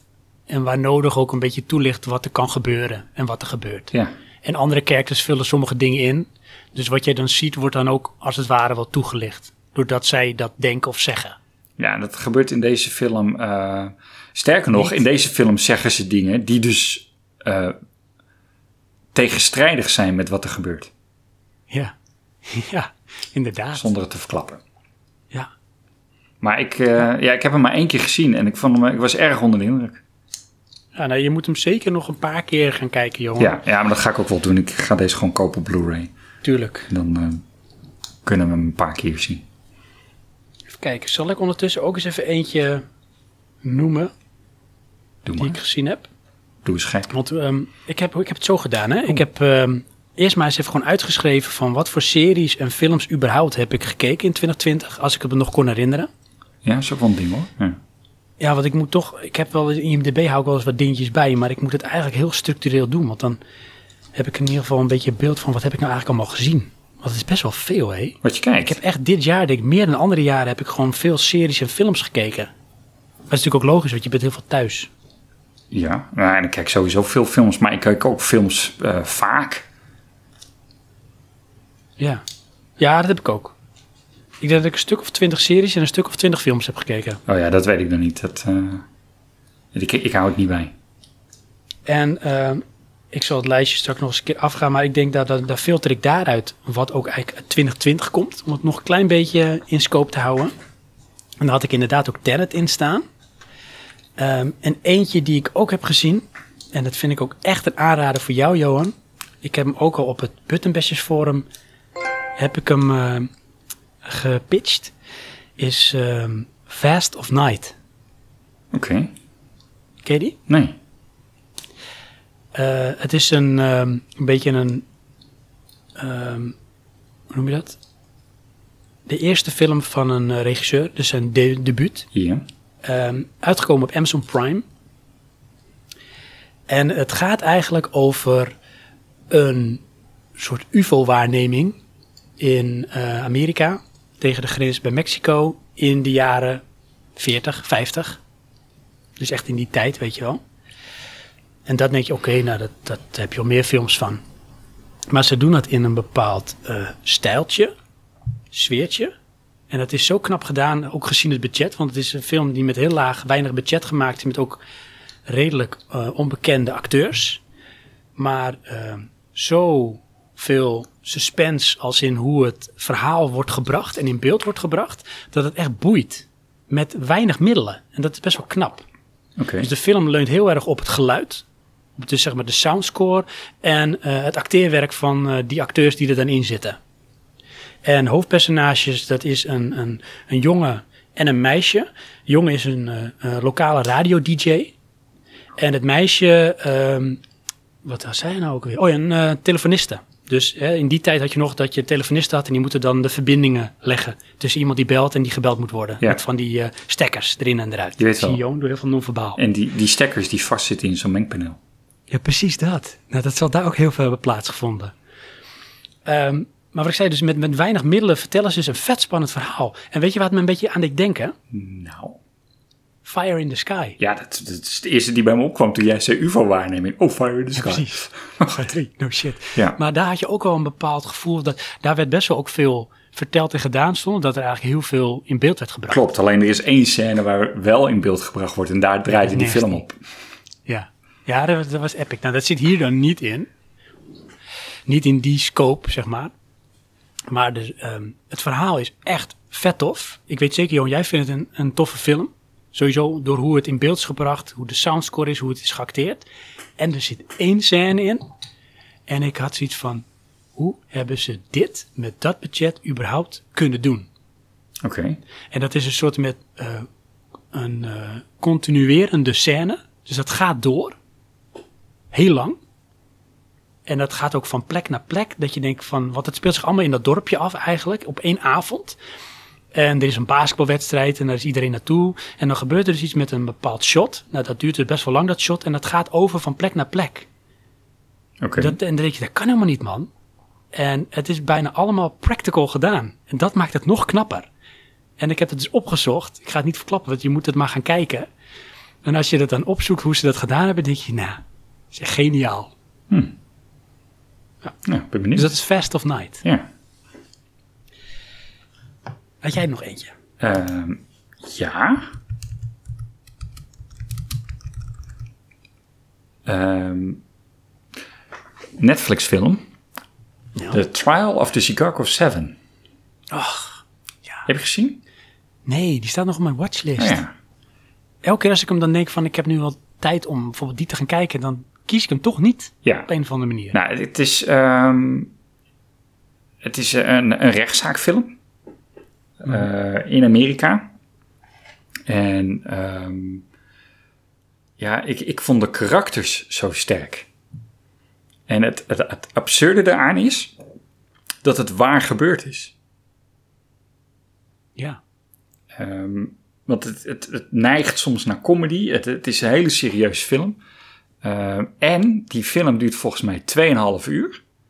En het is non-stop knallen qua informatie. Oh, serieus? Oh, echt? Ja, niet geweld hoor, maar gewoon eh, non-stop gebeurt er wat. Ja. En eh, ik, ik, vond het, eh, ja, ik vond het echt heel goed. Ik vond dit eigenlijk Netflix overstijgend. Oh, dat is wel knap, hè? Want Netflix heeft vaak wel een beetje een mediocre... Ja, klopt. hoe noem je dat? Weet je, dan is het, ja, het, het is wel leuk. Dat, Ja, dat is precies. Netflix. Het is niet Ja. slecht, maar het is ook niet dat je denkt, nou, wat goed gedaan. Maar bij deze, ik bedoel, ehm, eh, qua filmtechniek was ik niet geïmponeerd. Eh, en dan wil ik niet zeggen dat ik al puur kijk naar... eh, wat is de camera shots? Maar wat je zegt, soms zit er zo'n shot in en dan denk je echt van, nou, hebben ze dit gedaan? Ja, dat zit hier dus helemaal niet in. Zo'n film is het niet. Maar gewoon het, het, de karakters en het verhaal en het tempo. Het tempo viel me gewoon op. Het, het, het gaat maar door en het heeft grappen en het heeft serieus en het heeft actie. Maar in mindere mate. Maar En goed, toch speelt het zich dus in, voor het groot deel in de rechtszaal af? ehm, ja, maar je krijgt ook flashbacks. Ja. Ja. Maar goed, ehm, ja, de, de, de, de meest aparte scène vind ik dus dat eh, een van die eh, personen die doet ook stand-up. En eh, dan zie je dus dat die eh, in die stand-up dus ook een deel van die eh, rechtszaak soort van bespreekt. En ja, ik vond dat zo. ehm, ehm, ja. Ik, ik vond het karakter zo sterk. Dat je echt denkt van, hé, maar dit is, deze persoon is echt? Of hebben ze dit echt helemaal opgeblazen? Ehm, maar ja, ik, ik, ik, ik interpreteerde toch wel als dat eh, die persoon op die manier was. Oh ja. Ja, dat, dat, eh, wat dat is Sacha Baron Cohen, Ja, toch? klopt, ja. Die dat speelt. En daar heb je natuurlijk een beetje een soort komisch idee bij. Ja, en dat, en Dat werkte ook goed, want het is dus ook een stand-up. Ja. Maar hij kan dus ook wel dus op die manier acteren dat het ook wel een persoon is, een serieus persoon. Ja, ja want hij is ehm, ja, een soort eh, een politiek principieel, weet je wel. Dat is hij, daar maakt hij een grap over. Ehm, Maar ja, ehm, tegelijk ook intellectueel. Oh ja. Dus eh, ja, ik vond, het, eh, ik vond het goed werken. Dus het is Trial of the Chicago 7. Yes! is de moeite waard.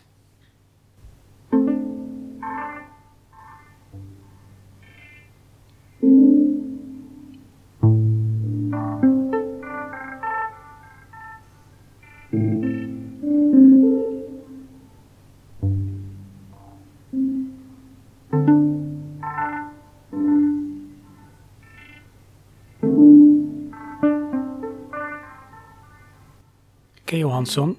Heb ik er ook weer eentje. Even kijken. Even mijn lijstje. Ehm, nou, eerst maar even de films, hè, voordat we naar series gaan, denk ik. Ik heb eh, bijna geen series, Sven. Nee, dat zei je al. Het is ook zo. Eh, Fast Night. eh, ja, ja, ik heb er ehm, nog één gezien. Die had ik gehuurd. Oké. En ehm, ik heb dat niet vaak. En dit was eigenlijk ook niet een type film waarin dat eigenlijk zou moeten. Maar ik vond het een beetje een nare film. Oké. Ik heb het niet En vaak, maar had jij niet gekeken, Green Room maar- gekeken of zo? Ja, nee, Green Room is echt overtreffend. We hebben het al eens over gehad tijdens de- een van eh Slot Omlaags. Eh, moet je maar eens luisteren trouwens. Dat is de aflevering over single location films. Ja, als je eh, zeg maar ehm, een trauma wil, dan moet je die film gaan kijken. Maar deze film die ik nu gezien heb, die eh, had mij zeg maar een beetje, die maakte mij ongemakkelijk op een andere manier. En ik heb het over de film The Invisible Man. Oké. Niet gezien? Nee, het is eh, nou, een adaptatie van het verhaal The Invisible Man, maar dan een beetje een modern take, dus in deze tijd. En het gaat er eigenlijk eh, over een, een vrouw die getrouwd is of geweest met een, ehm een techgigant. Dus zeg maar een soort hoofd van een Google of een Apple. Zo rijke man, zo invloedrijk. En ehm, die terroriseert haar. Dus het enige wat zij wil is eigenlijk weg. Maar ehm, dat laat hij niet toe. Dus zij is eigenlijk een beetje een soort opgesloten in zijn wereldje.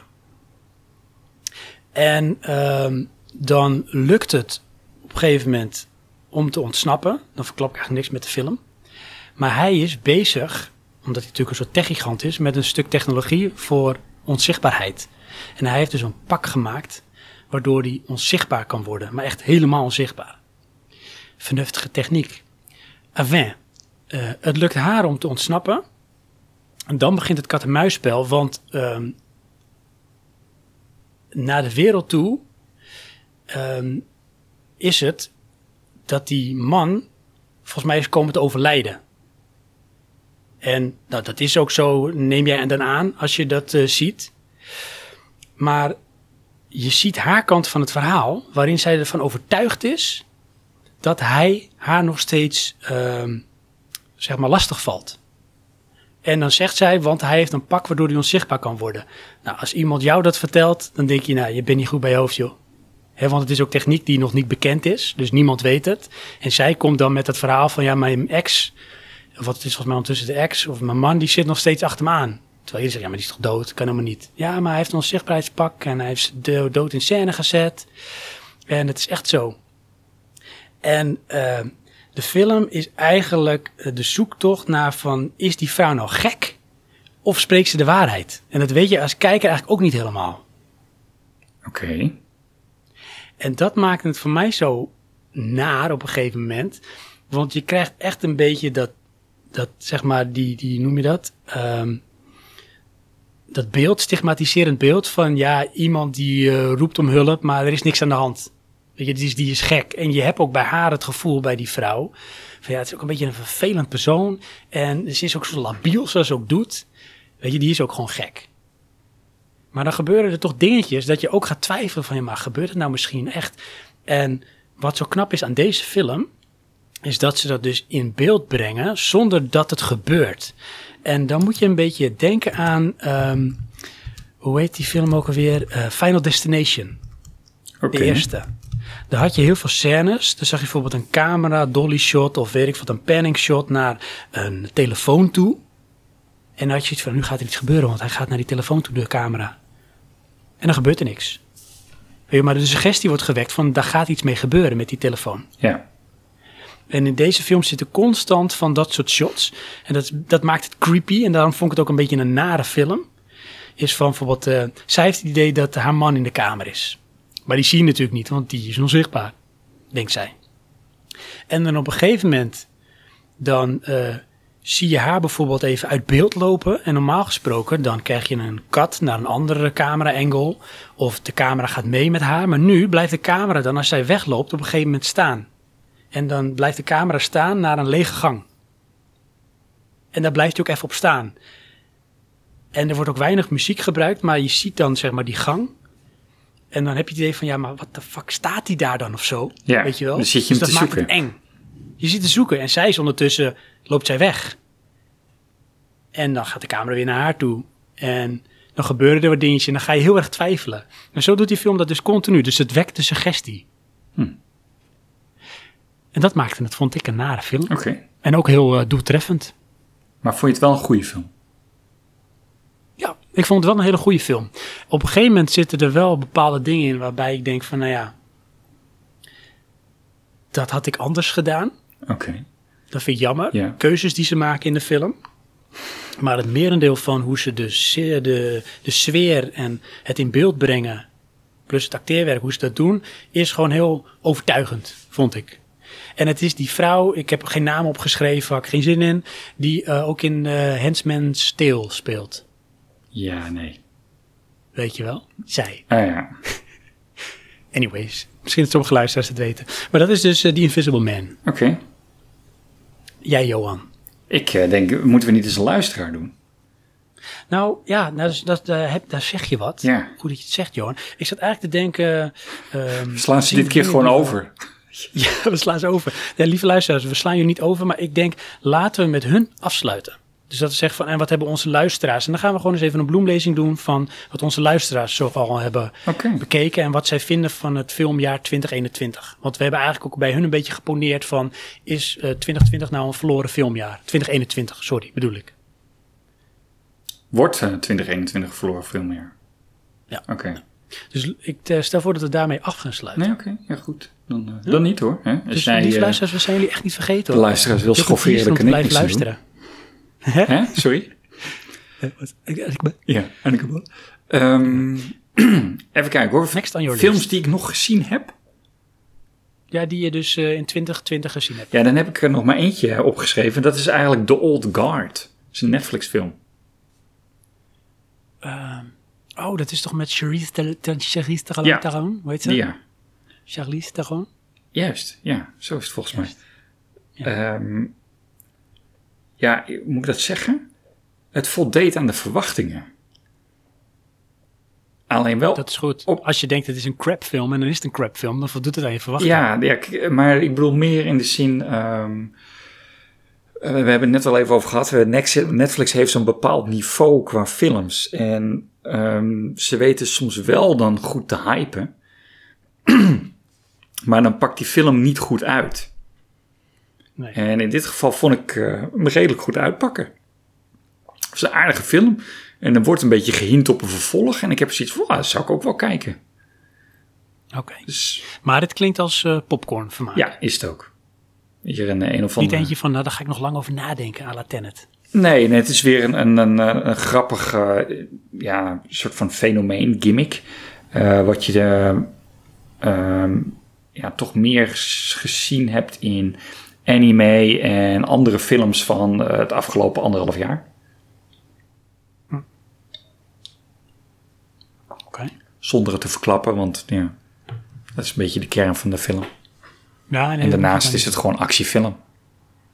Oké. Vond ik leuk. Is, zij de old guard? Eh, onder andere. Ah, Oké. Oh, wauw. Maar jij zegt van, zou ik het leuk film vinden, denk je? Nee. Nee. Nee, daar is het eh, te popcornachtig voor. Dus dan weet ik niet Oh, ja. of dit in jouw smaak valt. Nee, ik ben natuurlijk als een eh, intellectueel Ja. natuurlijk wel op een of andere manier geprikkeld en uitgedaagd net worden. iemand die eh, een Grammy heeft af te kraken dat je een andere shot zou doen, maar goed. Ja. Nee. Ach ja. Ja, nee, ik, ik denk niet dat je hem echt slecht vindt, maar ik denk ook dat je er niet zo heel veel ja, van vindt. Hm. Van eh, leuke televisiefilm, dat zal het Maar zijn. wat voor cijfer zou je het geven? Ja, eh, dat vind ik lastig. Kijk, voor een Netflix denk ik dan toch wel een 7, want ik heb hem onthouden. Ja, nee, dat is, eh, dat is wel knap. Ehm, Voor mediocre Netflix. Ja, nee, dat bedoel ik niet om Netflix af te gragen hoor. Ik vind Netflix leuk. Maar goed, het kan beter. Ehm, ja, nee, daar hou ik het toch maar op. Een 7 Oké. dan. Ja, Even kijken. Ik heb er nog één Oeh. en dan heb ik nog een honorable mention. tuurlijk. En die honorable mention hebben wij volgens mij allebei gezien. Oh, Zal ik die eerst noemen dan? nee, doe eerst maar nog één. Oké, eerst nog eentje. Dat is een Netflix film. Oh, Ik weet zeker dat jij hem niet gezien hebt. En als je hem gezien hebt, heb je hem uitgezet. oké. Dat is ehm, I'm Thinking of Ending Things. Die heb ik niet gezien. Dat is van, voor mij heet die Andy Kaufman. Die ook ehm, Eternal Sunshine of the Spotless Mind onder andere heeft Zou gemaakt. kunnen, ja. En Being John Malkovich. Is volgens mij ook van hem. Ja. Hij heeft altijd een bepaalde manier van, eh, van doen qua films. Het is een typische regisseur. En I'm Thinking of Ending Things is echt zo'n verhalend verhaal. En het gaat over een meisje. En die wordt opgepikt door haar vriend. En ehm, ze is maar met één ding bezig. En dat is eigenlijk van I'm thinking of ending things. En je hoort dus constant haar gedachten. Dus ze hebben dialogen. Het zijn heel veel eh, lange shots. Van eh, bijvoorbeeld hun twee in de auto. En ze zijn onderweg naar zijn ouders. Om nou ja, zijn vriendin, zijn nieuwe vriendin voor te stellen. En zij kijkt heel vaak naar buiten. En eh, zeg maar, raakt ze een beetje verzonken in gedachten. En dan hoor je wat zij denkt. En het is bijna, eh, vind ik, eh, qua eh, dialoogvermaak op het niveau van Quentin Tarantino. Oké. En dat bedoel ik niet van expliciet, maar Quentin Tarantino heeft een manier van hoe mensen een gesprek voeren, waardoor ik bij wijze van spreken drie uur naar een film van hem kan kijken waarin niks gebeurt. En dan vind ik het vet boeiend, omdat hoe die mensen met elkaar praten zo interessant is. Ja, ik snap wel wat je bedoelt, maar ik herkende het in de laatste films van hem niet. Nee, nee, nou dat is dus ja, misschien net eh, waar je voor, wat je voorkeur heeft. Want ik had het dus wel met zijn laatste films. Mhm. Maar bij deze vind ik dat dus ook in dat kaliber van die dialogen zijn heel sterk. En sommige gaan echt helemaal nergens over. En andere zijn weer echt heel erg, eh, nou ja, eh, gut-punching, zeg maar. Maar eh, wat die film nou interessant maakt, is dat langzaam maar zeker ehm, ga jij twijfelen aan die meid. Oké. En aan haar intenties en aan haar gestel. En dat, dat zijpelt er heel subtiel in. En dat wordt steeds meer en dat werkt toe naar een soort climax, waarin dan iets duidelijk wordt. En meer ga ik niet over zeggen, want dan moet je hem gaan kijken. Je moet wel van dit soort films houden. Hè, dus verwacht geen Tenet actie, verwacht geen Old Guard popcorn vermaak. Maar dit is gewoon echt een heel mooi verhaaltje, ook op een hele mooie manier eh, verteld. Ja. Nou, dat doe ik niet aan. En toch denk ik, Johan, Ja. dat eh, los van de opsmuk of het zeg maar eh, intellectuele of pretentieuze wat de film zou kunnen hebben, denk ik dat jij wel kan waarderen wat het doet. En hoe het dus ook zeg maar naar een soort climax toe werkt. Ja, nou, dat, dat geloof ik ook wel hoor. Alleen het probleem waar ik dan tegenaan loop is dat personage moet ik kunnen tolereren.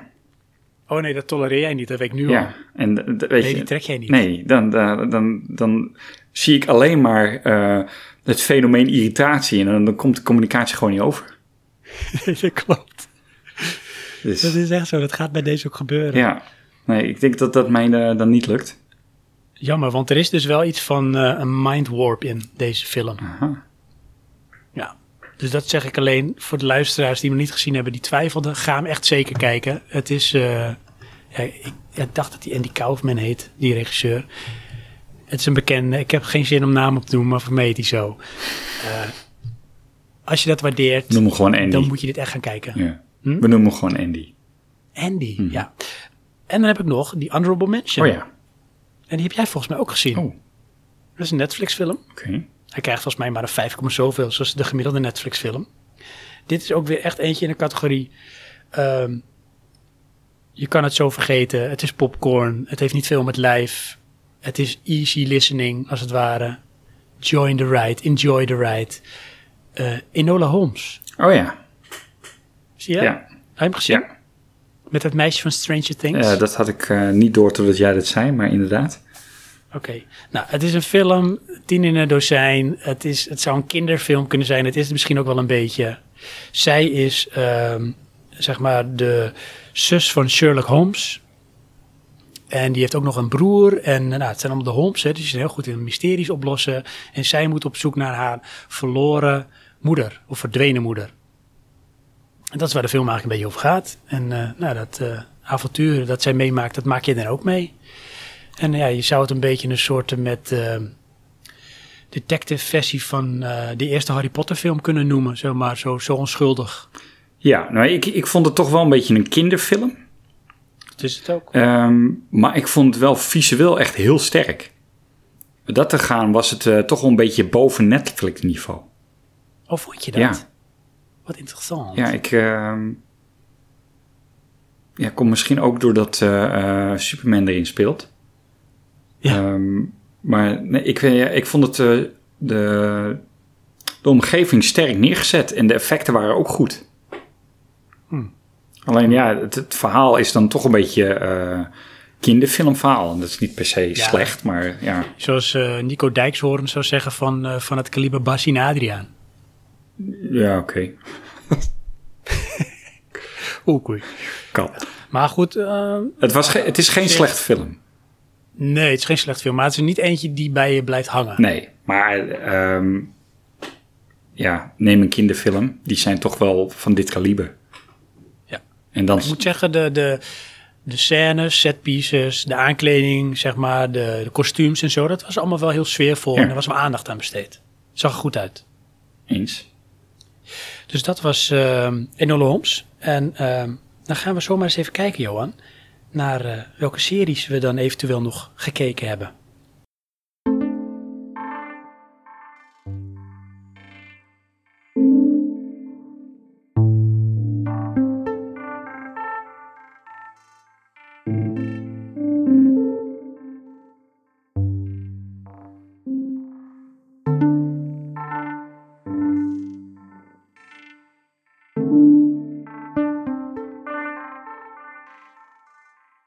Ik hoorde een plingeltje. Dat klopt.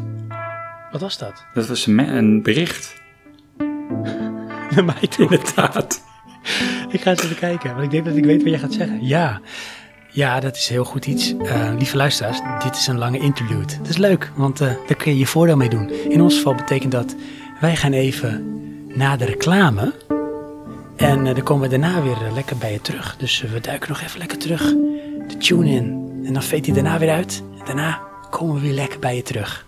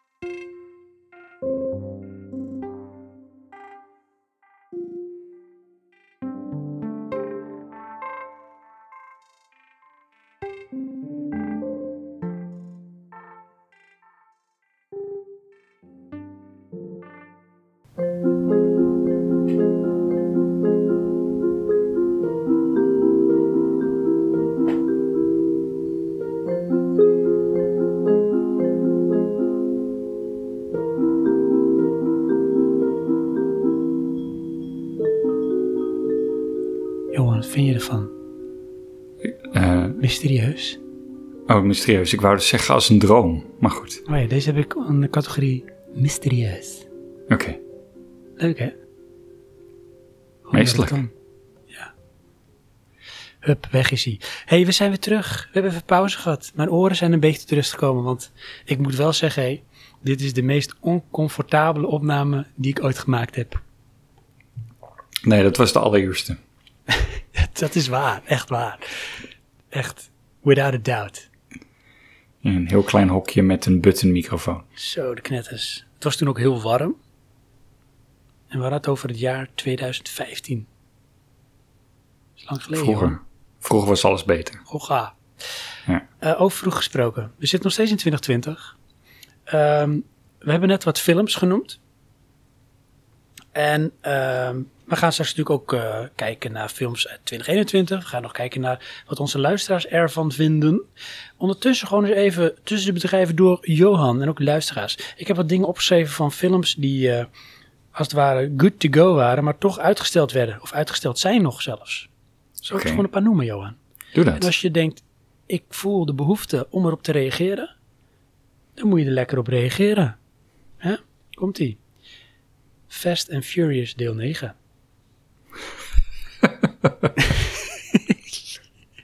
Wat verwacht ik wat, joh? Waar komt die? Oké, ja, dat, ja, daar heb ik zoiets van, oké, maakt het uit? Ja, precies. Welk universum maakt dat uit? Eh, no Time to Die. Ja, dat, ehm, aan de ene kant vind ik het jammer, aan de andere kant niet, want die wil ik wel in een bioscoop zien. Ja, dat is ook echt wel een bioscoop. Een nieuwe James Bond is dat. Dat is echt wel een bioscoopfilm. Ja, Mulan, live action. ja, oké. A Quiet Place, deel 2. Ehm, vind ik geen bioscoopfilm. Nee, niet per se, hè? Nee. Eh, diverse Marvel Cinematic Universe films. Te film op de Diverse noem jij ze al. Ja, joh. We zijn op dat niveau. Eh, Spiral, dat is die uit de serie van eh, Saw. Met, hoe heet Chris Rock. Oké, ja, zeg me eerlijk gezegd niks. En even kijken, wat is echt een hele lijst hoor. Eh, The Batman. Ja, dat is hè. Eh, ik heb die trailer gezien, vond ik echt wel goed. Ja, vond ik heel sfeervol. Maar dus Batman is volgens mij ook gewoon al tien jaar oud. Hoe bedoel je? De, de Christopher Nolan Batman. Oh ja, ja zeker. Terwijl in, weet je wel, ik vind dat nog echt moderne films. Ja. we hebben natuurlijk daarna ook nog eh, onze vriend gehad, Ben Affleck. Ja, inderdaad, zeg je wat. Maar die heb ik dus nooit gezien, want ik vind die kant vind ik echt niet interessant. Ehm, nou, ik, ik, ik vond het wel wat hebben. eh, maar ik vond, ja, ik vond het niet eh, zo'n goede film. Dat niet. Nee. Maar ik vond toch ook wel weer eh, de stilo van Batman, ja, toch ook wel iets hebben. Van, bedoel Ben Affleck Batman. Ja, maar dan Batman vs. Superman. Ja, oké. Ja, Dat vond ik wel eh, tot een bepaald niveau interessant. oké. Top Gun, Maverick. Ja, zit ik niet op te wachten. Ik, eh, ik, weet je, die film is voor mij van, oh, is die film vorig jaar uitgekomen? Heb je ook niet een beetje zo van eh, de nostalgie van onze nee, nee. Ik, ik, ik vond Tom? Gun, eh, ik vond het helemaal niet zo'n toffe film. Daar was ik te jong voor. Oh, oké. Meer iets voor je broer. Juist. Die vond het denk ik ook wel een coole film. Ja, denk ik wel. Maar dat was ook gewoon een van de grote films uit die tijd. Dat is ook zo, zeker. Toen had je gewoon Tom Cruise in een straaljager. Tom Cruise in een raceauto. Tom Cruise, eh, weet ik wat, maar wat hij deed was succesvol. Ja, Tom Cruise is bartender. Als bartender, ja precies, ja. Ehm, Ghostbusters Afterlife. Ja, nee, Ja, nee. niet voor mij. Ehm, de, de French Dispatch. Die weet ik even niet. Daar kijken heel veel mensen uit. Ehm Mission Impossible 7 en 8. Ja, wil ik toch wel weer zien. Vind ik altijd vermakelijk. John Wick Chapter 4. Die, eh, dat vind ik lastig. Ik vond eh, deel 2 namelijk slecht. En deel 3 eh, v- vond ik ook niet zoveel hebben. Hmm.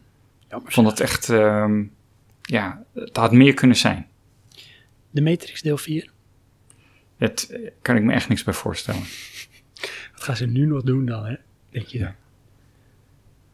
Ja, dat is ehm, alsof, weet je wel, eh, jeugdsentiment. eh, en die mensen zijn nu aan de macht en die maken dan een nieuwe film. Ja. Is ja, geforceerd. Maar misschien ook niet hoor. Misschien wordt het wel heel tof. Ik weet het niet. Ja, ik weet het niet. Ik ben bang dat het net als, en dan komt hij ook, Star Wars, te veel gaat leunen op wat het was. En daar dan op muteren. Want er komen dus ook nog drie Star Wars films, hè? Er komt natuurlijk heel veel Star Wars films, maar er komen dus wel weer een trilogie komt er weer aan. Oké. Ze weten nog niet Ja, hoe nou. of wat, maar eh, in 2023, 2025 en 2027. Ja, En die zouden moet- dus eerder uitkomen, maar dat is natuurlijk allemaal vanwege corona is dat allemaal uitgesteld.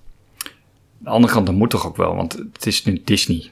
Die hebben daar geld voor betaald. Dus daar moet gewoon eh, een filmmachine uitkomen. Ja. ja, ik ben daar wel een beetje klaar mee met Star Wars. Ik, ik weet dat sommige mensen knijterhard gaan op eh The Mandalorian. En dat zal misschien ook super tof zijn. Maar toch kan ik me niet toe zetten om überhaupt een abonnement te nemen en dan ook dat gaan kijken. Eh, nee, ik heb eh, het eerste seizoen heb gekeken. Want toen, eh, dat is precies dat ik het eerste keer een abonnement nam. Mhm. En ja, daarna niet meer. En ja, voor één serie neem ik niet weer een abonnement. Heb ik in. Nee, nee, dat is logisch. te veel gedoe. Ja. Maar aan de andere kant, ehm, als ik de kans krijg, ga ik die films toch wel weer kijken. Weet ik wel nog. Dat weet ik nu al. Oké, Ik bedoel, ja. ja. Blijf toch wel een eh, beetje geïnteresseerd. Nou, het is science fiction. Ik wil bijna alle science fiction wel zien. Ja, nou dat is waar, maar ik moet wel zeggen, ik word daar wel selectiever in hoor. Nee, nee, want ik vind Star Wars heeft juist die niche. Die, eh, eh, het is niet zo science, wetenschappelijk science fiction. Het is eigenlijk futuristische oorlog. Ja, het is een beetje een soort Robin Hood, maar dan in een soort science fiction sausje. Het is echt avontuur. Ja, Robin Hood zou ik niet zo gauw kiezen, maar goed. Ehm, Damsel in Distress. Weet je wel? Oké, ja. Anyways. Dan hebben we ook nog de Avatar sequels. En dan komen er niet één, niet twee, niet drie, maar vier van. Serieus? Ja. Gepland voor 2022, 24, 26 en 28. Oké. Nou, het zal. Ja, echt dat ja. Dus Ja. hup, boom, weg. Eh, even kijken, Johansson. Series 2020, voordat we naar 2021 toe duiken. Heb jij, jij zei niet zoveel, maar heb je überhaupt series gekeken? Heb je Ja. ook toevallig series uit 2020 gekeken? Nou ja, dat is eigenlijk alleen Netflix. Maar Dat is dan, is ehm? Hoe heet het nou? Eh, Discovery en ehm Snowpiercer. Nee joh, dat klopt niet wat je zegt. Nee? Ja, je mist er een. Eh, de schaakdame, weet ik de naam niet meer. de Queen's Gambit, die je mij Ja. nog aangeraden hebt. Ja, En ik moet ja ik, zeggen... maar ik heb er nog wel meegekeken, maar ik onthoud ze niet allemaal. Eh, weet ik niet. Oh, oké. Ja. Ik moet zeggen dat ik dat ook wel een van de leukste series vond die ik gekeken heb. Van Queen's afgelopen Gambit? jaar. Ja. daar zat zoveel sfeer, verhaal en feel good in. Hoewel Ja, niet ja, want- feel good qua thema, maar het, het keek zo lekker weg dat ik het echt Inderdaad. jammer vond dat het klaar was. Eh, inderdaad, het was echt fris, iets anders. Ja, het was een beetje een fenomeen. En nu zeggen mensen dat ze dat weer een beetje hebben met dat Lupin. Hoewel ik daar niet zo van overtuigd ben, van die serie. Nee, nou, ik heb. eh, ehm, ja, nee, ik heb een film met hem een keer gezien en goed, het zal, maar ik hoef daar geen serie van te zien. Nee, precies. Kijk, en met de Queen's Gambit, ik vond het echt een fenomeen qua... Hier was iets, qua onderwerp, qua hoe ze dat hebben uitgewerkt. Dat zo anders was, zo verfrissend dan wat we ondertussen wel gewend zijn, wat er meestal wel eh, komt. Dat het ook iets Ja. is wat dan daardoor een beetje tijdloos wordt. Dus echt iets van, eh, dat was toen. Dat was die serie. Weet je, daar, daar, af en toe duiken dat soort series op. Hier moet je ook geen vervolg voor willen of zo, weet je wel. Dit is gewoon dan zo'n iets op zichzelf staand. En dat is goed. Ja, of het wordt eh, True Detectives, dan krijg je dus gewoon. eh, ehm, nu hadden we schaken, dan wordt de volgende dammen. Dat is het antologie van een soort, hoe noem je dat? Wonderkinderen. Sportmeesters. Ja. Eh, eentje, dan wordt er ook eentje een assassin, die gewoon heel goed is in omleggen. Oh, ik dacht Sudoku. Oh, dat kan ook, ja. Dat is wat uh, vredelievender. Maar dat had jij dus gezien van Netflix. Ja. Ja, ik eigenlijk ook wel heel veel Netflix. ja, ik heb alleen maar Netflix. Sterker nog, even kijken wat ik hier heb staan, is op één na allemaal Netflix. Oh, Als het dan ook uit 2020 moet komen, hè? oké. En dat is misschien ook een beetje ja, wat Netflix heeft. Die heeft natuurlijk heel veel klaar liggen. En dat kwam dan ook dit jaar, of vorig jaar kwam dat uit. Dus zal ik even kort doorheen gaan? Doe maar. The Queen's Gambit, Ja. bovenaan mijn lijstje, vond ik heel leuk. Uh, Better Call Saul, seizoen 3. Nee, heb ik niks van gezien. Echt niet. Geen enkel seizoen. Maar je hebt toch Breaking Bad wel gezien? Ja. Maar dat je voelde dat je, er- je vond dat je er toen ingetuind was, of niet? Eh, sterker nog, dat is het antwoord op, op je vraag.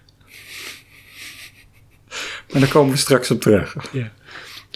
Oké, precies. Nou, Better Call Saul, ja, ik vind het te gek. Ik vind die, eh, het universum, het Breaking Bad universum, vind ik tof. Ik moet zeggen dat ik eh Better Call Saul qua serie leuker vind, interessanter vind eh, dan eh, Breaking Bad. Ja, maar dat moet ook wel, want het, is, het gaat door. Dus Nou het ja. moet iets... Ja, het is natuurlijk eigenlijk een spin-off, hè? Ja. Ja, maar ik bedoel, eh, het, het, het kleeft aan dat fenomeen. Dus dat moet het toch wel sterker zijn. Ja, nee, dat is waar. Ja. ja, of je wil meer van hetzelfde consumeren of zo, maar dan heb je toch een kans dat mensen dan te veel zeggen van eh, het lijkt er te veel op. Ja. Dit is inderdaad wel, het staat op zichzelf. Ehm, Lock and Key, Eh, die heb ik ook gezien. maar ook, ja, oh, echt waar. Ja. Hm. Vond ik een beetje van het kaliber Enola Holmes.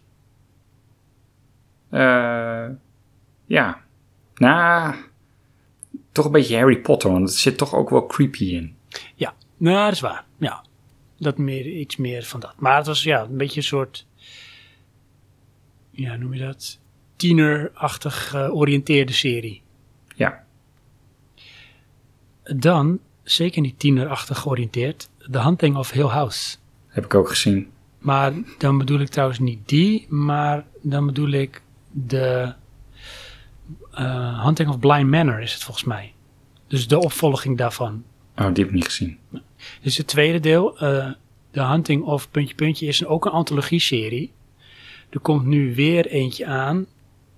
Ben ik de naam even van kwijt. Maar wat zij ook doen, net als met American Horror Story, dezelfde acteurs spelen andere rollen. Oké. En dat is bij deze ook. Je hebt dus The Hunting of Blind Matter. Die bedoel ik dus. Die heb ik gezien. Uit 2020. Vond ik interessanter dan The Hunting of Hill House. Want The Hunting of Hill House vond ik ergens ook wel gewoon een beetje spannend. Het is echt meer een beetje een horror spookverhaal. En dit is eigenlijk een beetje een soort ehm, spook, drama, liefdesverhaal. Oké. Maar ook hier in die serie gebeuren er dingen die ze lekker niet uitleggen, maar toch gebeuren. En dat je denkt, wat is dit nou? Dat. Plus, en ik weet niet of je dat toen wel eens gezien hebt bij de Hunting of Hill House. Er is, eh, zijn wat filmpjes op YouTube en ook op IMDb. Dan gaan ze spoken tellen. Die verstopt zijn in de scènes. Heb je die wel eens Mhm. gezien? Nee, maar ik wist me, was me er wel van bewust. Het zijn er vet veel. Maar dat hebben ze dus in Blind Manor is het weer zo. En ik was me ervan bewust van, ze hebben het weer gedaan. En ik ging opletten, maar toch eh, wordt je aandacht getrokken naar de scène en dan vergeet je wat er in de omgeving is. Ja, klopt en ja. toen keek ik terug en dacht ik, what the fuck. Ik heb echt vet veel gemist. Ze zitten echt overal. Hm. Maar dit verhaal vond ik dus minder eng. Het was dus meer een beetje een liefdesdrama verhaal, maar toch wel weer in een soort spookhuis setting. Dus die had ik gezien. Eh, Tiger King, de documentaire. Nee, dat eh, kwam ik niet doorheen. Nee, heb je wel ge- geprobeerd te kijken, Johan? Ja, ja, ja. Maar nee, ik, ehm, dan hebben we weer zo'n karakter, dat kan niet. Echt legendarisch. Ja. Eh, Maar dat was op het niveau dat ik denk, dit kan niet echt zijn.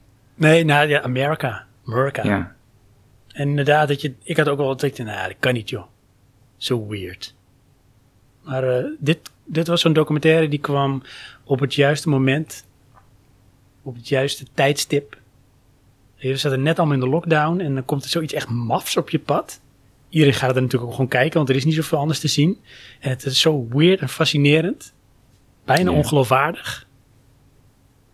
Met dus echt absoluut dieptepunt. Eh kan ik wel vertellen.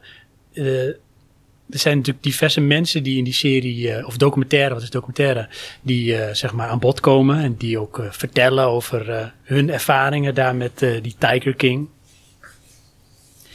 En een van die gasten is dus best wel even goed wel een beetje een slimme gast, terwijl de meesten toch wel een beetje van die rednecks zijn. En ehm, die had altijd al de ambitie om, ehm, hoe noem je dat? Zo'n running mate te zijn. Nee, geen running mate zegt verkeerd. Iemand die helpt bij een, eh, hoe noem je dat nou? Als een president, zeg maar, zich ver- verkiesbaar wil stellen, dan heb je zo'n team om hem heen zitten die hem gaan helpen om, eh, zeg maar, gekozen te worden.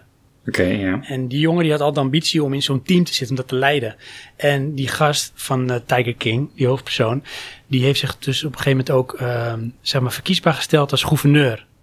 En die jongen is dat toen, zeg maar, die, die eh, hoe noem je dat, gaan leiden om hem verkiesbaar te krijgen. Nou goed, die raakt dus verzeild in het rare wereldje. En op een gegeven moment dan vertelt hij dus over een, eh, een, een gebeurtenis met eh, een van de geliefdes van die gast van Tiger King, die hoofdpersoon. Die zichzelf per ongeluk van het leven berooft. Doordat hij een grapje uithaalt met een pistool waarvan hij denkt dat hij niet geladen is en dat is hij wel. En daar zijn dan beelden van. Dan zie je dus niet dat hij dat doet. Dat hij zichzelf om het leven brengt. Per ongeluk. Maar je ziet dus die duurt die die campagne leidt. Die zie je dus van een soort met eh, ja, eh, surveillance camera. Zie je zijn reactie dat het gebeurt. Dat vond ik zo weird. En dat past ook helemaal in die, in die documentaire serie. Het is gewoon echt te weird. Die jongen is ook getraumatiseerd voor het leven. Ja. En dat is Tiger King. Dat is gewoon weird. Heb ik al gezegd dat het weird is? Ik denk het. En als laatste, eh, dat is de enige niet eh, Netflix. En het is wel een, een documentaire serie op Videoland. Dat is eh, Erik en de Verdeelde Staten. Oké, geen En- idee. Dat is die eh, Erik Mountaan. Ja. Dat is die eh, Amerika-correspondent voor RTL. En die heeft dus in aanloop naar de verkiezingen... heeft hij een soort, wat zal het, vier of vijf luik gemaakt over Amerika. Hoe dat land ja, de afgelopen vijf jaar verdeeld is geraakt. En het is een inkijkje in, nou het is bijna Tiger King. Amerika is echt gewoon een gestoord land. En alles wat weird is, dat leeft daar ook gewoon. Ja. Maar, weet je wel, ehm, wij maken Amerika belachelijk als ze het kapitool bestormen. Ja. En dat, ondertussen steken we hier onze eigen steden in de fik omdat we eh, een, eh, een avondklok hebben. Jazeker. We zijn geen Dus- haar beter. Nee. Absoluut niet. Nee, dat is trouwens, het was ook echt wereldnieuws, hè? Oh, dat geloof ik. Wij hebben leveranciers uit uh, Maleisië en die zeiden, ja, jullie kwamen bij ons op het nieuws. Ja, het is toch echt zorgelijk, hè? Onze Ja. eigen teststraat in de brand steken, de boel op te plunderen. En daar hebben ze gewoon het leger op straat staan. Hè? En dat is totaal geen protest. Maar goed, werkt even anders. Het is kansloos.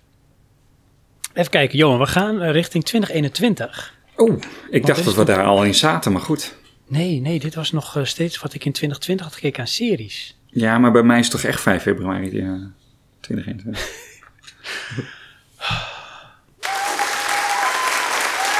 Dank je. Je verdient hem. Hij was echt goed. Maar, Anyways, ehm, ik ga nog heel snel even, gewoon omdat ik het leuk vind. Ik had natuurlijk een soort longlist gemaakt van wat heb ik naar gekeken. Ik ga gewoon heel snel eens even er doorheen rennen wat ik dus dit jaar allemaal gekeken heb aan series en films. oké. En als je echt de behoefte hebt, dan interrupt je me maar. Maar anders dan dender ik gewoon door. Doe maar. Dender maar door. Dender in het heen zijn. Even kijken, even kijken, even kijken. Ah, heb ik hier alles? Ja, komt-ie. Prrr, we beginnen met series. Ik zet er gewoon een leuk muziekje bij. Zou ik dat doen? Doe dat. Een interlude eh, noemt, heet, heet deze. Interlude, komt-ie. Oké. Klinkt alsof we op een vliegveld zijn. Hoor je dat? Voel je hem? Johan, Oké. series eh, die ik in 2020 heb gekeken. En ze zijn niet allemaal uit 2020. Maar dat terzijde. The Walking Dead, seizoen 10. The Wire, seizoen 3. Servant, seizoen 1. The Boys, seizoen 1. The Hunting of Bly Manor. Heel veel seizoenen van Brooklyn Nine-Nine. De documentaire Don't Fuck With Cats. The Umbrella Academy, seizoen 2. Dark, seizoen 3. Better Call Saul, seizoen 3. The Sinner, seizoen 3. I'm Not Okay With This. The Queen's Gambit. Tiger King. Cursed, seizoen 1. Lock and Key, seizoen 1. Erik en de Verdeelde Staten. Dan heb ik nog films. Here we go. Once Upon a Time in Hollywood. Van Quentin. Slecht film. Nee man, ach, dat heb je het niet begrepen Johan. Ja. Zeg ze dan hè? Heb je niet begrepen. Ja, klopt ja. Maar ik Intellectueel kan me wel voorstellen overigens dat er mensen zijn die die film niet snappen. Als in van, nou, weet je, wat, wat, wat is nou het idee van deze film? Je bedoelt dat die inhoudsloos is? Ja, nee, oké. Goed, nee, ga nee, verder. nee. Het is heel erg geënt op een era. En als je daar niks mee hebt... Het is ook eigenlijk een te Amerikaanse film. Daarmee natuurlijk Once Upon a Time in Hollywood. Maar het gaat over een beetje de nivellering van de filmwereld, de Hollywood scene, eind jaren 60. En dat is echt Ja, een dingetje geweest. Hè? Er, er kwamen nieuwe kan zijn, maar het en- is gewoon een niet interessante film. Op een verdwaalde scène na. Nee, nee, nou echt hè. Dat is echt, die is echt bizar hè. Ik denk aan het eh, blik hondenvoer. en wat er gebeurt met een apparaat. Ja, maar het- En dat je denkt van bedoel, het- En dat is de film, klaar. Nee, nee, nee, nee, nee, zoveel meer. Maar goed, dan moet je die film kijken. Ik ga gewoon door, Johan. Doe dat. Inola Holmes. Ik heb voor de miljoenste keer Seven gekeken. Oh, die heb ik ook weer gezien, ja. The Hateful Eight. Ook zo'n fantastische film. Ook Quentin. zo- Echt. Wanneer eindigt die? Johan. I'm thinking of ending things. You were never really here. Vast of Night. Heel even terug. I'm thinking of ending things and you were never he- really here. Zijn dat, is dat dezelfde regisseur? Nee. Nee, ik denk trouwens dat eh, You Were Never Really Here, dat jij die echt kan waarderen, Johan. Dat is met eh. Joaquin Phoenix. En dan speelt hij een soort met fixer slash hitman. En hij raakt verzeild in iets wat hij eigenlijk ja, op zichzelf heeft afgeroepen. En eh, je moet waken over de veiligheid van een meisje. Maar hij is echt een cold-blooded fixer slash killer. Oké. Nou, Ja, echt de moeite waard. Vind jij ook tof. Eh Fast of Night. 1917. Interstellar heb ik voor de zoveelste keer gekeken. Blijf Nee, ik ook fantastisch vinden. Christopher Nolan. ja. Joker. Nou, hebben we het over gehad hè Johan? Pijnlijk. Zo vaak. Tenet. En The Invisible Man. Dat is toch wel... Hè? Zo, als je dat zegt, hè, die Invisible Man, dus dan moet ik toch denken aan Queen. I'm the Invisible Man. Ja. Ja. toevallig vandaag geluisterd. Wat zeg je nou? Ik zeg toevallig vandaag geluisterd. Dat liedje. Ja. Echt waar? Ja. Zet je die ook op dan? Hè? Van, nou, ik heb zin in dat liedje. Nee, ik eh, heb gewoon, eh, doe maar eh, Great Stitch Queen en dan doe maar. Oh, wat leuk. Ja. Dat vind ik wel leuk. Ik heb met Queen altijd van... eh, alsof je dan weer eens een keer een snack probeert... waarvan je toen een keer zoveel gegeten dat je ziek werd. En als ik daar dan weer te veel naar luister... bij Queen, heb ik het ook weer van... Oké, ik heb het weer gehad. Het lijkt allemaal zo op elkaar. Zo theatraal. Is het ook, ja. Goed, eh, niet slecht of zo, Johan. Ik eh, oordeel niet hoor. Oh, jammer dit hoor. Al die eh, beoordelingen er gelijk bij. Ja, weet ik. Zo ben ik. Sorry. Pretentieus gebra- gebrabbel. Ja, maar goed. ik. Hey, we gaan echt naar 2021. Daarna gaan we onze lieve luisteraars. Ehm, maar eerst even een vraag aan jou, Johan. Nou, Voordat we, zeg maar, de good stuff gaan behandelen. Hoe kijk jij richting 2021? Denk jij dat, zeg maar, dat het een verloren filmjaar is, gezien waar we nu in zitten? Of heeft het heel veel juist te bieden? ehm, eigenlijk eh, de vraag die jij gesteld had was over 2020. Hè? Oh, nou, dus heb ik het helemaal verkeerd begrepen. Nou, beantwoord hem dan maar voor 2020. Ja. Nou, het, het was een beetje als eh, Breaking Bad. En dat was voor mij eh, constant wachten van, gaat het nou gebeuren? Ah ja. Maar nee. You fooled me. Ja. Ja, dus, ehm, maar goed, eh, wat eh, 2021 betreft qua filmjaar, ik moet zeggen, ik heb echt mijn best moeten doen om films te zoeken waar ik naar uitkijk. Ja. En dat Ja. is toch wel een dingetje. En ik weet niet of dat nou aan mij ligt dat ik daar minder mee bezig ben. Ja, er is gewoon echt niet veel. Er is echt niet veel. Ik heb, eh, wat is het, eh, eh, iMovie trailers, of hoe dat tegenwoordig ook heet, gekeken. Mhm. En dan heb je drie pagina's met filmposters en er was niks wat ik wilde zien. Ik had precies hetzelfde, Johan. Upcoming Ja. movies heb ik gekeken bij IMDb. Of coming soon. En het was, eh, nee, nee, nee, nee, echt niet. Hm, nee, nooit voor. Hm. Oh ja, die. Nee, nee, nee, nee, nee, nee. Oh, die is ook wel leuk. En dan was klaar. Ja, het, het komt bij mij een beetje over als, ehm, weet je, al die films die dan naar, ehm, wat is het, Boonto of hoe dat eh, betaalde vi- videokanaal heet. eh, Hulu. en ehm, die uitgebracht worden op Plex, die staan nu ineens in die lijsten. Oh ja. Artie Farty en zo of zo. Ja. En goed, het maakt, het hoeft niet per se slechte films te zijn, maar het is niet eh, wat mij trekt. Nee, die mensen hadden allemaal corona daarna. Want die hadden zoiets van, we doen het toch. Ja, misschien. Of het lag zo lang op de plank van, nou, doe dan nu maar. Ja. Maar ik moet dus zeggen, we hebben als het goed is allebei ook een lijstje gemaakt van ja, drie, vier, vijf, whatever, films of series bedoel ik, films en series, waar je naar uitkijkt als ze dit jaar uit gaan komen, want dat is natuurlijk echt nog maar de vraag. En ik moet zeggen, ik had echt heel veel moeite met de films, maar ik had niet zoveel moeite met de series. Eh, ik heb geen series. En ehm, ik heb wat films. Nou Johan, brand los. Ja, nou, we hebben het eigenlijk al besproken. Eh, James Bond, No Time to Die. Ja, echt hè. Die wil ik toch wel echt zien. Ja. En eh, wat ik toch ook wel wil zien, is The Kingsman. Kingsman, daar is Ja. toch wel een film van geweest? Ja, maar er komt er nog één. Daar hebben ze al twee films van, maar er komt er nog één.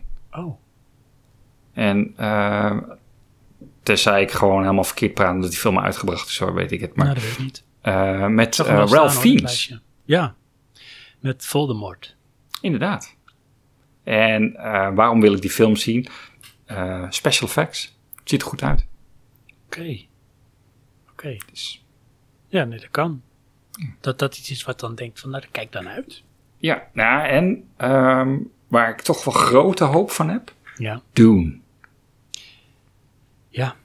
Ja. En het verhaal los daar gelaten hoor, maar wat ik tot nu toe gezien heb, dan, dan denk ik, die stilo vind ik echt tof. Het is echt science fiction. En Ja. ik proef daar ook in van, ja, dat was die game van vroeger, ken je nog? Ja, ja, zeker. Ja.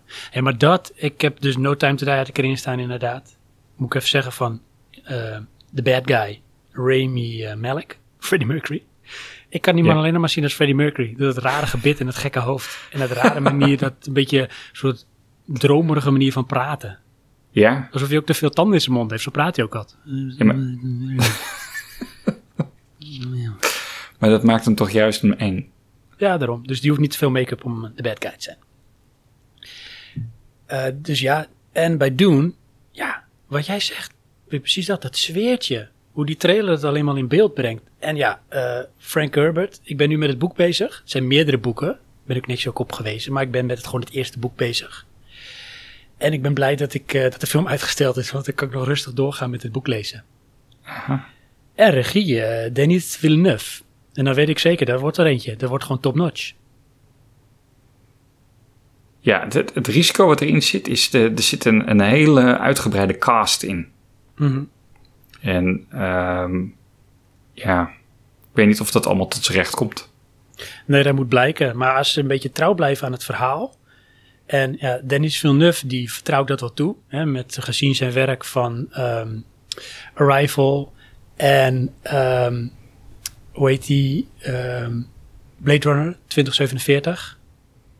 Hij heeft dat wel, hij kan dat. Dus dat, dat vertrouw ik hem toe. Oké. Nou, ik heb goede hoop in ieder geval, dus. Zeker. Zeker. Had je nog meer op je lijstje? Eh, ja, Mission Impossible 7, maar die hebben we al besproken. Oh ja. Ja, ja weet je, het is, eh, die ga ik nooit in de bioscoop kijken. Nee, Doen wil ik wel echt niet. heel graag in de bioscoop kijken. Net als Ja. 007, eh, James Bond, wat je zei. Maar bij Mission Impossible heb ik dat niet zo sterk, maar die wil ik wel altijd zien. Ja, Ik heb een beetje een zwak voor Mission Impossible. Eh, dat, maar het, het is eh, vergelijkbaar met James Bond, maar dan James Bond staat er net even boven voor mij. Ja, vind ik ook. James Bond is een beetje de Formule 1. En dan is eh, Mission Impossible is NASCAR of IndyCar. Ja.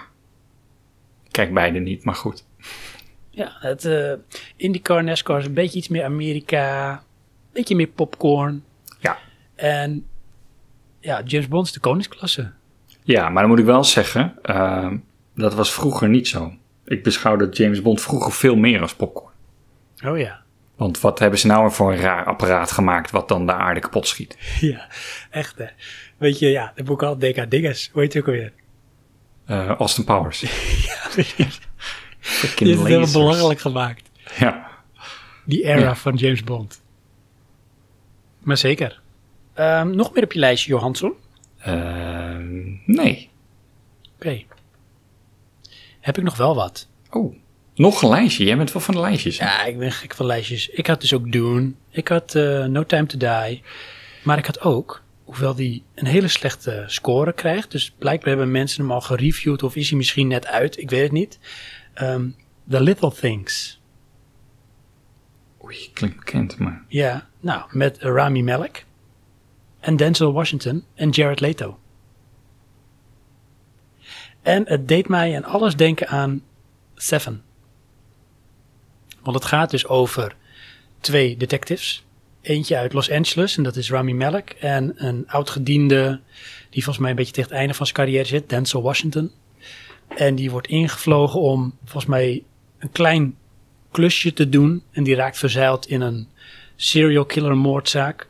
Samen met eh, dan zijn partner in crime, Rami Malek. Of partner in crime, to be. Ze zijn tot elkaar veroordeeld. Maar ze hebben allebei natuurlijk hun eigen nukken en dingen. En dan moeten ze achter Jared Leto aan. Maar Ja. de vraag is of die man überhaupt schuldig is. En dan gaat het geweten en trauma's uit het verleden gaan parten spelen in de objectiviteit van de mensen. Snap je hem? Ja, ik, eh, ik weet die film wel. Tenminste, eh, ik heb, ik heb er stukjes van gezien. De hoewel wel. ik weet dat het een mediocre film zal zijn, had ik toch wel iets van ja, iets boeit het me wel om die te gaan zien. Weet je wat mij steeds meer opvalt? Nou, In hoeveel films eh, Jared Leto zit. ja, ja, ook in Blade Runner 2047. Ja. Ook in eh, Seven. Of eh, sorry, niet Seven, Fight Club. In Fight Club, ja. Ook in, In- ehm, hoe heet het, Requiem for a Dream. Inderdaad. Daar kwam ik ook laatst achter. En deze film dus. En hij speelt ook wel vaak de bad Suicide guy. Squad. Panic Room. Oh ja. Ja. En hij maakt muziek. Ja, deed hij ook maar ook als je hem ook ziet. Ik heb nog eentje opstaan. Nou, eentje Eén dan film. hoor, want ik ben En een beetje lijstjesmoe. Ja, weet ik, maar we gaan lekker door, man. Lekker Oh. lijstjes, lijstjes, lekker heerlijk, autistisch lijstjes. En dit is een film waarvan ik zeker weet, Johan, dat jij die niet gaat zien. En dat is Nomadland. Nomadland. Ja, die staat zo hoog op mijn lijst en die wil ik het liefst in een arthouse film bioscoop zien. Alleen. Nee, nee, nee. Nee, ik denk dat ik deze met Paul ga kijken. Oké. Ik ben een paar jaar geleden met Paul naar de bioscoop geweest naar ehm, Three Billboards Outside bla bla bla. Ja, dat heb je mij toen eh, verteld volgens mij.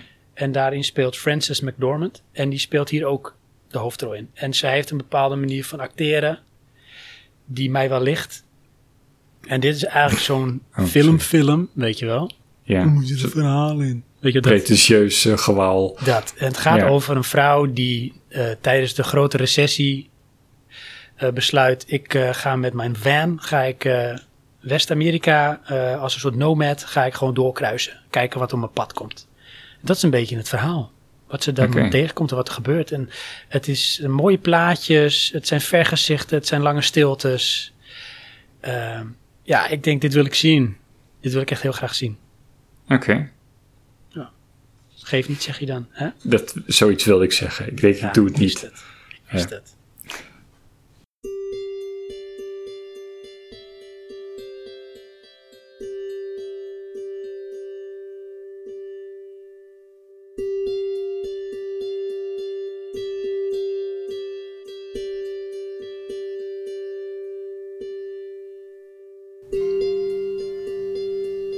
Johansson. Zwendelaar. Ja, we zijn er bijna. Ja, eindelijk lijstje de, de, luisteraars. Ja, natuurlijk. Ja. Maar ik heb nog een lijstje met series, dus ik Ah. ga nog even door. Nog een lijstje. Nou, doe maar. Maar misschien, omdat jij geen series hebt, dat is misschien wel leuk, ook voor jullie lieve luisteraars, eh, zit er iets bij wat jou prikkelt, triggert, om te willen gaan zien. Oké, Kan hè? Zou kunnen. Ja. Maar goed, als we het hebben over films van ik stap in een auto en rijd door Amerika, ja. Ja, Dan ben ik jou ook kwijt zeker. Nee, in de... Ja. Die komt niet eens in mijn suggestielijst naar boven. Nee, dat dacht ik al. Maakt niet uit. Oké Johan, Oké. wat ik graag zou willen gaan zien, en ik weet alleen niet of het ergens bij ons te bekijken valt, Oh. is ehm, Clarice. Ja, die eh, werd ergens anders ook benoemd, maar die ken ik niet. Ja, door Dynamite werd die benoemd. Ja, dit ga je ook tof vinden. Maar misschien ook niet. Hmm. Ehm, als ik zeg... Misschien te inte- intellectueel voor mij. Of, eh, ja, dat denk ik. Johan, als ik zeg Panic Room. Welke Ja. actrice zeg jij dan? sorry, wie? Panic Room. Ja, dat hoorde ik wel, maar daarna niet. Welke actrice zeg ik dan? Oh, ehm, Mrs. eh, Snow White. Nee, niet die. Oh, ehm Weet ze nou? Eh, Mrs. Ik ben nu regisseur. Jodie. Jodie Foster. Ja. En als ik zeg Jodie Foster. En Dan zeg ik Panic. Oh, sorry. En ik zeg Clarice. En dan zeg ik het een beetje op zijn Anthony Hopkins. Clarice. Ik weet niet of je het zo zegt. Welke film zeg je dan? Oh jeetje, nee toch. Niet ehm ehm, Hannibal. Ja. ja.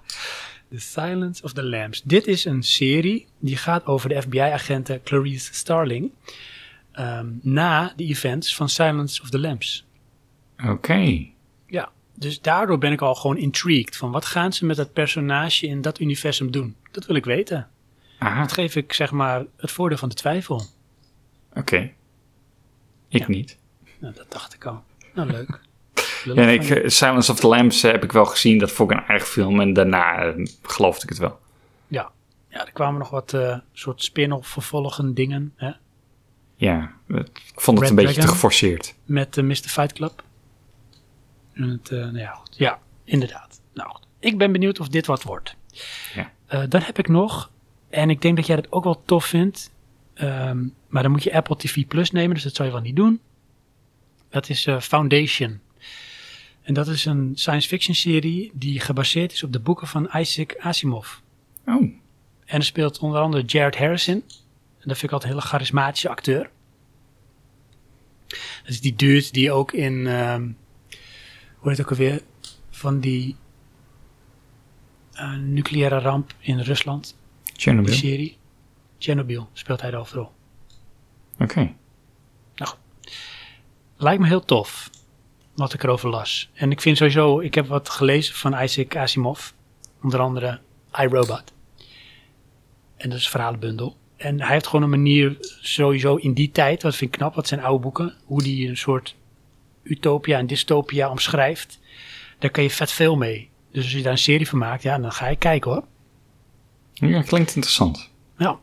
En ehm, de laatste, dan heb ik nog wel twee honorable mentions, maar de laatste, en die vind jij ook tof, Johan. Daar ga je een abonnement zelfs voor afsluiten bij Amazon Prime Video. Dat is The Lord of the Rings, Oh, de serie. ja? Ja, daar hebben ze een smak geld tegen aangesmeten, een bak geld. Alleen die is uitgesteld. Het wordt opgenomen in Nieuw-Zeeland, maar veel meer met de techniek van nu natuurlijk. En het speelt zich af jaren voor The Hobbit en voor de Lord of the Rings trilogie. Oké. Ja, weet je, dat is een no-brainer. Daar ga ik gewoon kijken. Maar hoezo schaf ik daar een abonnement voor? Nou, anders kun je Ah. het niet zien. Nee, oké. Zeggen Het is dan, een hè? serie. On the record. Ja, het is een serie. Ja, het zou kunnen. Ik weet het niet.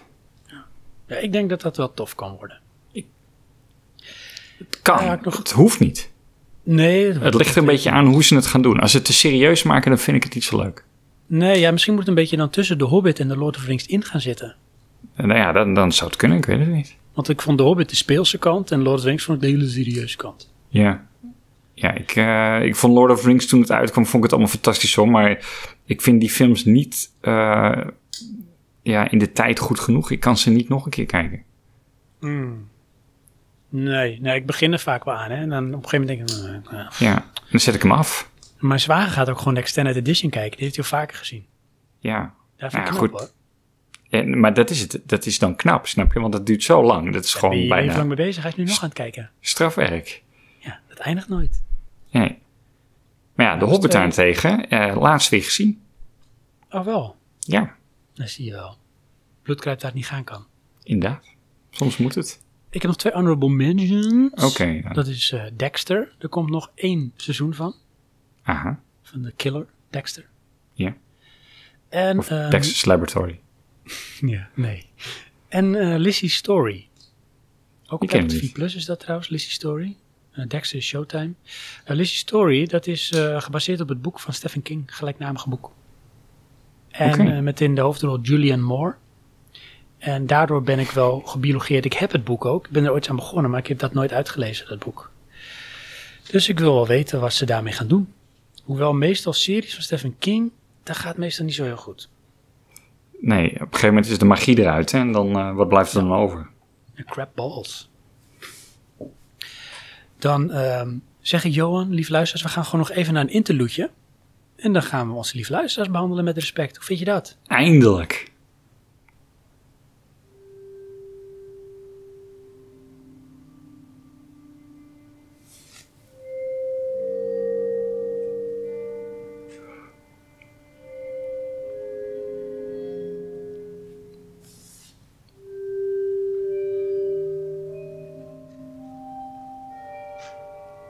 Ja, dat zijn onze lieve luisteraars hoor. Hè? Johan, de tijd. Inderdaad. Je schoof het maar voor je uit als een soort sneeuwschuiver, want er is sneeuwopkomst. Dat is een heel ander verhaal. We gaan gewoon eens even kijken wat onze luisteraars vinden van wat ik had gevraagd. Het filmjaar 2021. Is dat een verloren jaar? Dus ik heb het gewoon echt verkeerd naar jou gepitcht en dan anders weer naar hun toe. Ja, maar dat doe je wel vaker. Want Hey. meestal vraag je mij, doe een eh, top 10 van de leukste films. En dan hebben we het over eh, de nieuwe Hobby Punneken of zo. Ja, sorry. Sorry. Geef niet. Ehm, eh, zullen we er van boven naar beneden doorheen gaan dat jij de eerste eh, behandelt, Johan? Ehm, is goed, want de Je eerste is makkelijk. lezen, je mag echt de letter voor letter, wat jij wil. Nou, ik, we, beginnen gewoon met Finger. Ja, Ehm Dune. ja, Kijkt hij naar uit? ja. In de bioscoop, want hij wil niet thuis. Op zijn 40 inch televisie. Nee. Ehm, en hij ging sowieso niet veel naar de bioscoop. Ja, wat is veel? Ja, dat hangt er vanaf, hè. Voor sommige mensen is het misschien, die hebben een abonnement bij Pathé en die gaan wekelijks. En anderen zeggen van, nou ja, normaal gesproken ga ik twee keer per jaar naar de film en nu eigenlijk de laatste jaren helemaal niet meer of zo. Nee, ja, inderdaad. Ik ben eh, in die laatste groep.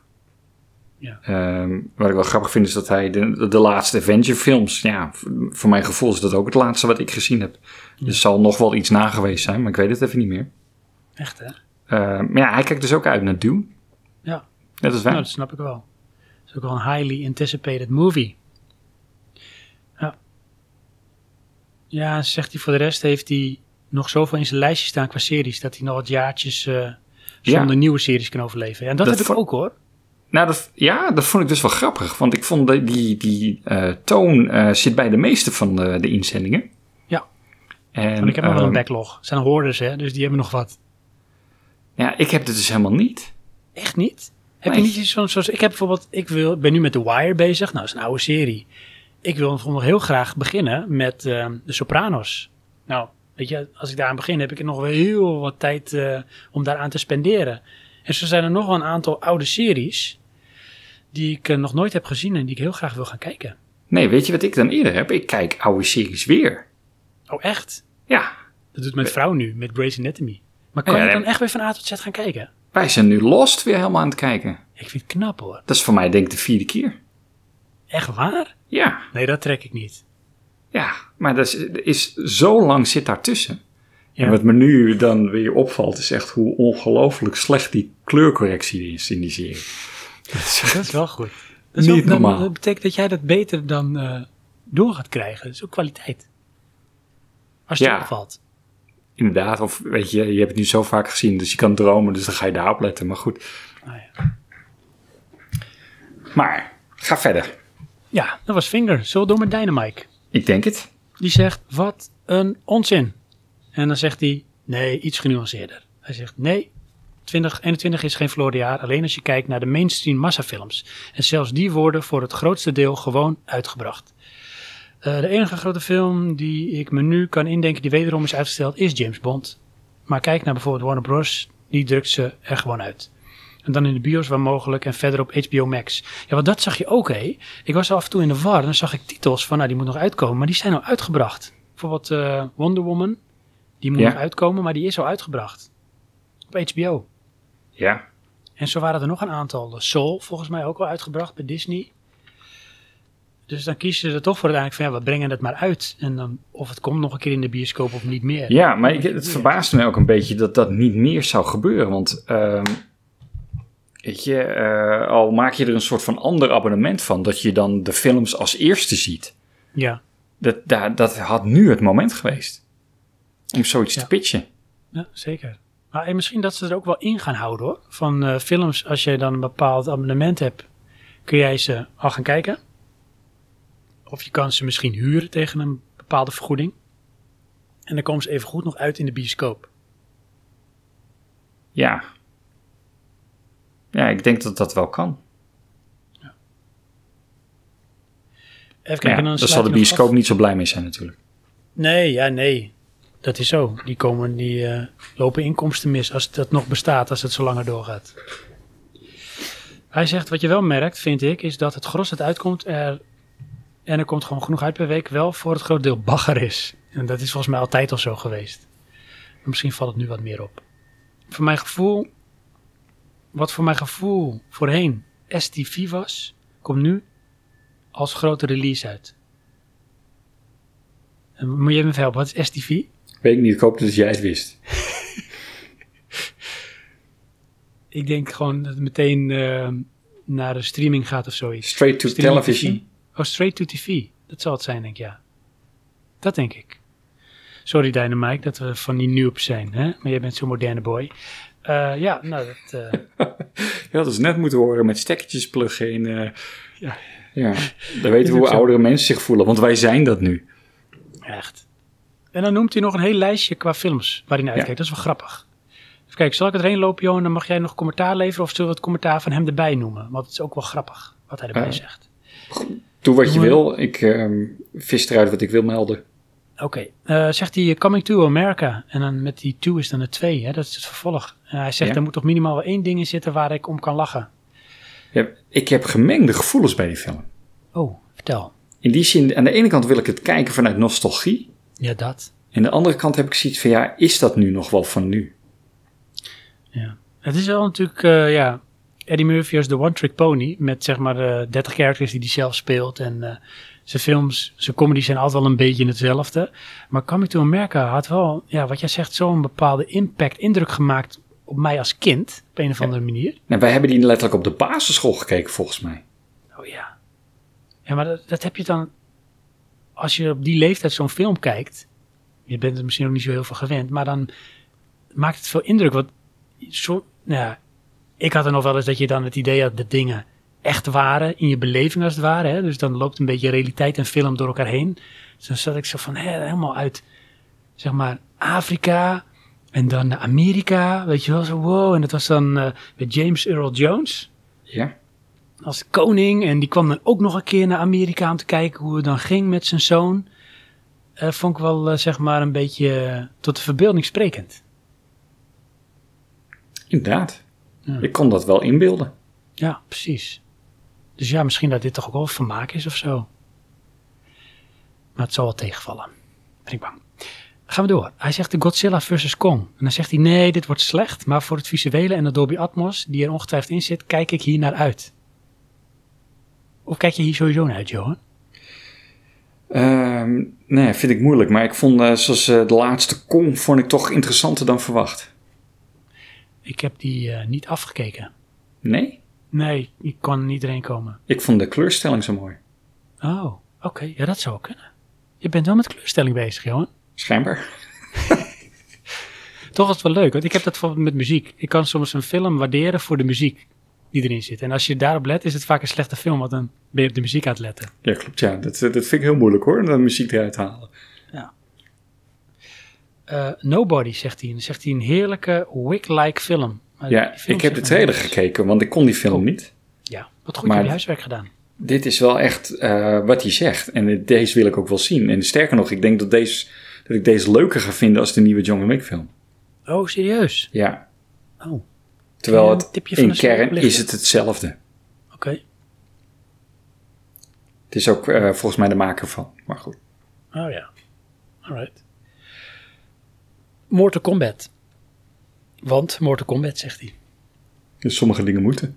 Ja, nou, ik heb het opgegeven. Ik ga er niet eens aan wagen. Ik weet, ik had heel veel lol dat wij naar de bioscoop zijn geweest. Want wij hebben volgens mij samen in de bioscoop de eerste Mortal Kombat film gezien. Ja. Ja, vond ik heel tof. Vooral omdat je dan, je bent zelf kind en eh, je speelt de games en dan zie je dat op het scherm. Dat is gewoon tof. Maar goed, daar blijft het dan ook bij. Eh, Black Widow zegt hij niet echt iets waar ik enorm naar uitkijk. Maar wel in retrospect als de film niet te veel Disney kiddo humor prak is zoals de laatste Marvels. Ja. Ben je stilgevallen, Johan, van verbazing of is de lijn verbroken? Nee, nee, het is meer, ja, ik weet niet wat ik met die film aan moet. Ik ook niet. Ja, ik heb, nee, geen appeal. Ik vind, weet je, alle Marvel films vind ik, eh, kijk ik, vind ik leuk. De een meer dan de ander. En deze heb ik zoiets van, ehm, ja, dit wordt toch wel een moedje. Ja, wat, moet dit, wat zou dit mij moeten gaan bieden dat ik dit ook interessant vind? Dan moeten ze iets gaan doen rondom het karakter of rondom zeg maar, de thematiek van de film. Wat die film dan losstaand van dat het een Marvel film is, boeiend maakt. Ja, maar invulling van het karakter kan maar gestolen worden. Inderdaad, wat mij ehm, zou trekken is als die film dus dingen laat zien die het andere verhaal verrijkt. Ja, precies. Ja. Nou, Maar dit- Black Widow zit ik niet op te wachten. Nee, precies. Als dit nou een beetje. ehm, Hoe heet die film ook alweer? Van eh, een van die Star Wars spin-offs. Ja, inderdaad. Dat wilde ik ook als vergelijk doen. eh Die Han vond ik Solo. heel tof. Omdat Solo het zo- of Rogue het was- Rogue One. Oké, ja. Was het Rogue One? Ja, goed. eh, het is of die of Han Solo. Nee, Rogue One. Dat vond ik echt tof. En ja, oké, dat is Star Wars, weet je, dan gaat het nou zijn. Maar dat was zo op zichzelf staan, dat vond ik tof. Ik heb heel vaak het woord tof genoemd. Ik denk het wel. Spiral, zegt hij. Hiermee hoop ik weer een goede horror Saw-like-achtige serie-reeks te kunnen zien. Nee, ik ben toch wel benieuwd wat het gaat doen, maar ik ben met Saw naar, af, af, naar film 1 afgehaakt. Ja, ik, ja, dat is niks voor mij. Nee, hè? Nee. nasty. Venom, zegt hij. Laten we het nog een kans geven, wellicht. Ja, Ik weet Idem. ook wat de, de subline is, let there be carnage. ja, dat is dan wel weer grappig. Ja, Krijgen we ze altijd wel. speling. Maar nee, ik eh, heb een stukje van eh, Venom gezien en toen dacht ik, nee, ik zet hem uit. Vind ik echt totaal niet boeiend dit. Ik heb hem helemaal gezien, maar ik kan me amper herinneren. Dat bedoel ik. Dat is een slechte droom was het, Johan. Ik heb hem in het vliegtuig gezien. Toch niet eh, onderweg naar een bestemming en nooit op die bestemming aangekomen, maar wel op een eiland. Nee. Oké. Jack. Gelukkig. Jack. Eh, dan gaan we door. The- Green Knight. Zegt die 14e eeuwse vaagheid met horrorvleugel. Vleugel. Kom maar op. Trailer gezien, ehm, snapte ik niet helemaal. Nee. Vanuit het thema, die kan ik het wel voorstellen van dat kan interessant zijn. Zoals de riddersfilms en zo. Huh? Maar voor de rest, nee. Don't know. The Suicide Squad. Slechter dan alles voorheen kan niet, dus the only way is up. Ja, Ja. nee. Suicide Squad ga ik niet eens tijd aan spenderen. Wat een bagger. Ehm, ga ik wel kijken. Oh, Niet echt in de waar? bioscoop. Oké, nou. Ik zeg kudos. Die valt bij mij een beetje in het kaliber van eh, de nieuwe Adam Sandler films. Dat je bij jezelf gewoon een pijnig als je dat gaat kijken. Ja, nee, dat... Of dat- beledig ik nu een hele hoop mensen? Ja, tot in mijn ziel. Maar goed, ik snap wel wat je bedoelt. Eh, Ehm. Candyman, zegt hij.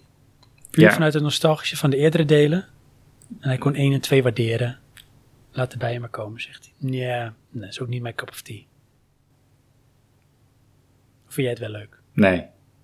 Nou, het is, is niet mijn film. Want anders Nee. klinkt het weer alsof ik dat afkeurde. Dat is helemaal niet zo. Het is gewoon eh, niet het genre waar wat ik ehm, naar wil kijken. Precies. De Matrix 4 zegt hij, man, dit kan alleen maar tegenvallen. Zin in. nou, dat hebben wij ook al gezegd, hè. Inderdaad. Eh, Jackass 4, ja, whatever. Dat vind ik echt bagger. Eh, Dead on the Nile. Een soort Murder on the Oriental Express, maar dan op een boot. Met Gal Gadot. Vooruit dan maar. Ja. Want doen. Ja, doen wat doen. Ja, Mhm. precies. Ja, verder noemt hij nog eh, Mission Impossible, Ghostbusters, Afterlife en Nightmare Alley. Heeft hij nog series? Ga ik nog even kort erheen. Zegt hij Clarice. Nou, dat heb ik ook al gezegd. Ehm Powerbook 3. Miss Marvel. The Falcon and the Winter Soldier. De nieuwe Dexter. Nieuwe Star Wars. Over Boba. Er is dus nog wel heel veel, zegt hij. Gaan we door. Dankjewel, Mike. Ja, dankjewel, Dynamike. En Finger natuurlijk ook. En Finger, yes. Eh, voor jou, Arjan. Eh, sorry, voor jou, Johan. Arjan. Eh, die reageerde ook eigenlijk, hè? Candyman ja, is die die ook reageert benieuwd naar. Dynamike. En Jackass 4 eigenlijk. Want de rest is meer reflectie over de- wat hij niet zo ziet. Mhm. Ehm, hij verwacht wel een mooi filmjaar. Ja. Eh, Ja, maar ook genoemd ook, hè? omdat de twee eh, doorgeschoven wordt van 20 en 19. Ja. En hij heeft zijn eigen thread begonnen. Ja. Dus Dan had hij wat titels. ja. Beast Claw, Clawing at Straws.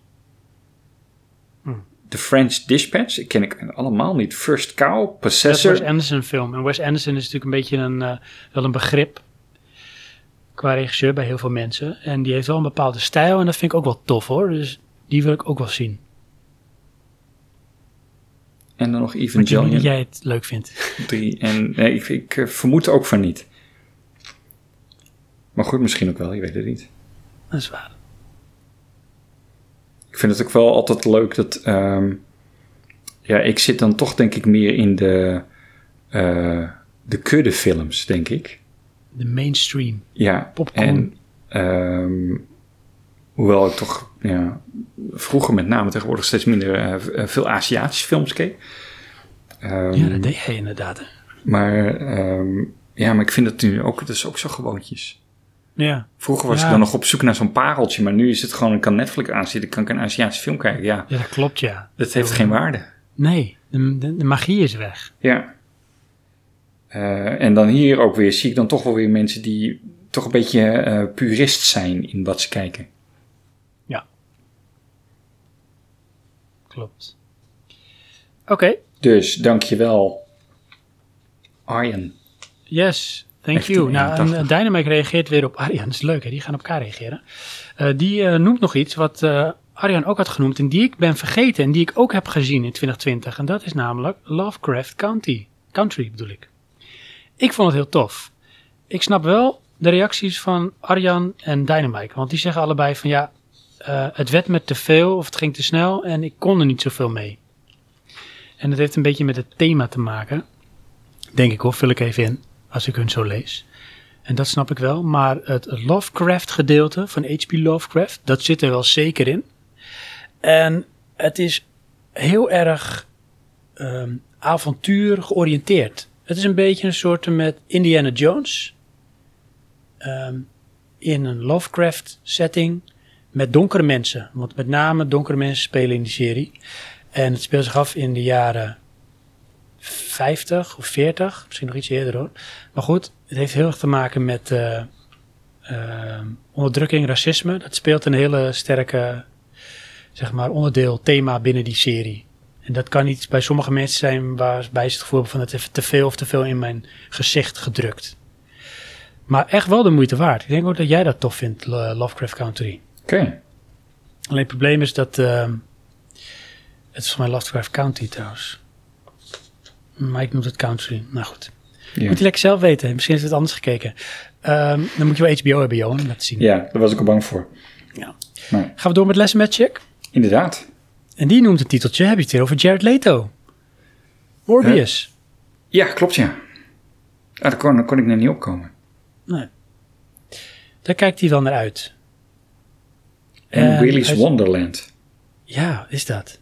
Weet ik niet. Oh, eh, oh, kijk hier. Overduidelijk gebaseerd op Five Nights at Freddy's. Dat is die horror game.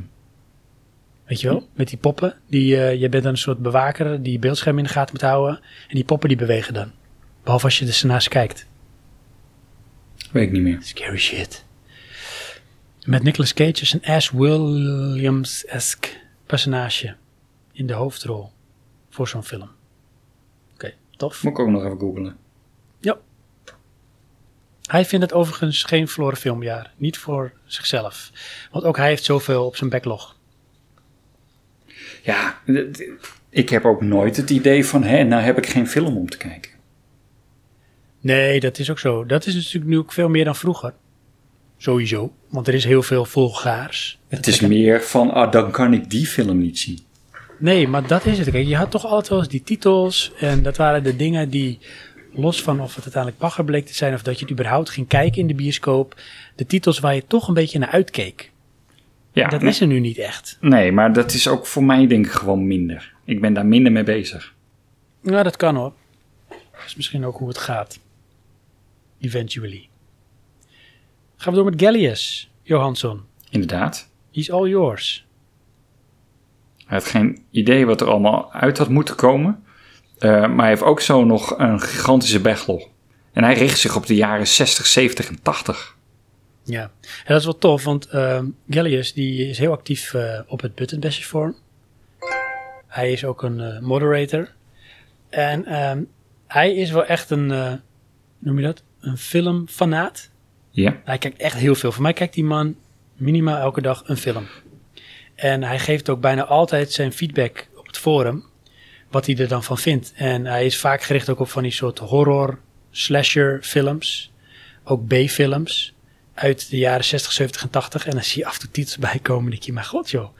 Dat is toch echt bizar. Maar wel heel leuk om te lezen hoe hij eh, dat eh, omschrijft. Wat hij ervan vindt. Dus echt een filmliefhebber is het. oké. Maar die kan er nog wel in ieder geval eh, zijn hele leven vooruit. Met wat hij dan nog kan kijken. Dat zegt hij ook als het ooit al gaat lukken. En hij was laatst nog één keer Arjan. En die heeft het over een watchlist Ja, van 449 films. En dan zegt hij net wat jij zegt van ja, mijn favorieten die ik graag nog een keer zie. Dat doen toch ook heel veel mensen, hè? Ja, dat heb ik ik- dan in ieder geval dat zeg ik wel, maar dat heb ik dus met Seven en met Interstellar. ja, maar ik hoor toch altijd eh, van, ja, maar dan heb je film toch gezien, hoef je het er nooit meer te kijken. Waarom zou je hem kopen? Mhm. En dan denk ik, ehm, wanneer ik zo'n film koop of vraag, dat betekent dat ik hem al, al twee of drie keer gezien heb. En dan wil ik hem hebben, zodat ik hem makkelijk nog vaker kan kijken. Toch is dat wel gek, hè? in ieder geval aan de ene kant gek dat mensen er zo over denken van waarom zou je dat nog een keer kijken? Want het is een vorm van entertainment en bijvoorbeeld muziek is dat ook. En dan is het heel normaal dat je een cd heel vaak afspeelt. Ja, Maar met films is dat toch anders. schijnbaar voor mensen. Ik, je eh, film zet je niet even zomaar tussendoor even op of zo, of om in een bepaalde mood te komen. Hoewel, misschien ook wel. Dan moet je vaak wel even voor gaan zitten. Ja, dat is zo. Ja. ja, je moet wel die tijd hebben. Ja. Of erin willen steken eigenlijk. Maar als jij dan eh, een film opnieuw gaat kijken, Ja. kijk je dat dan voor weer die herkenbaarheid op te zoeken en dan dat gevoel te ervaren? Of zoek je dan naar nieuwe dingen? Ehm, nee, het is meestal, eh, dan is er een, een tijd geweest dat die film ver genoeg weggezakt is en dan wil ik hem best wel weer zien. En ja, eh, als het mee zit, eh, dan zie ik dus weer nieuwe dingen. Oh ja. En ik heb ook het, eh, verde- verdenk me er zelf van dat ik dan denk van, oh, maar dat wist ik nog niet. Of zei ik dat vorige keer ook? Omdat Ja. je hem dan weer diezelfde insteek ziet die je oorspronkelijk niet zag. Maar inmiddels heb ik hem al zo vaak gezien dat ik eh, dezelfde insteek opnieuw ontdek. Ja, maar nu, en nu zit je heel erg op het color grading en dat soort dingen. Kleurcorrectie. Ja, ja dat, dat soort dingen, dat valt me dan Dat ook op een gegeven moment op. Ja, dat Of, eh, dat, Rare shots. ja. Ik heb dat met films te weinig. Daar moet ik echt op gaan focussen om dat te kunnen zien. Dus daar heb ik niet genoeg cinematografisch oog voor. Ja, mijn lost Maar is wel met- erg hoor, want dat schakelt tussen dag en nacht. dat is niet Als je normaal. dat niet door hebt, dan ben je Ja. zelf lost.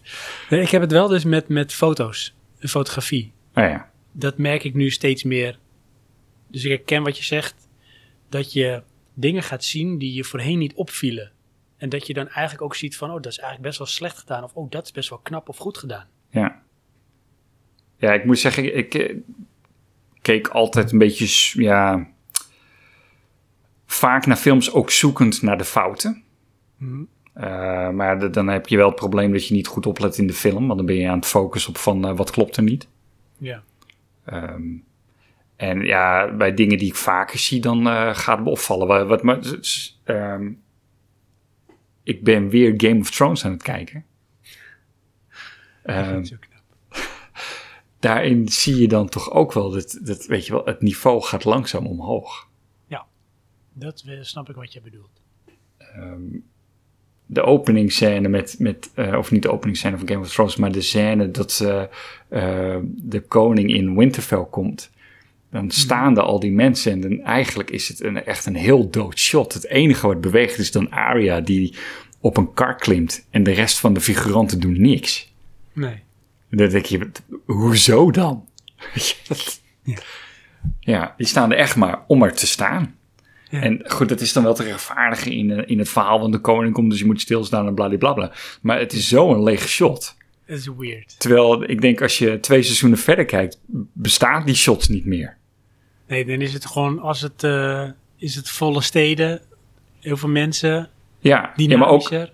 in, in veel dynamischer, dat met name. Ja. Ja. Maar goed, grappig om Ja. te zien. Zeker.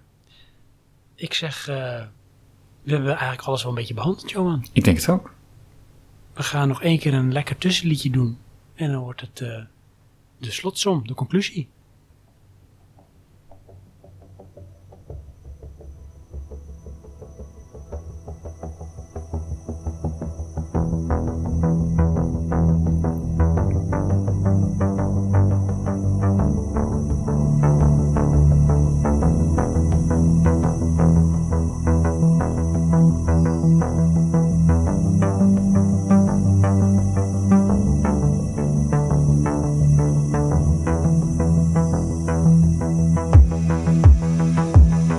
Johansson, het einde is nabij.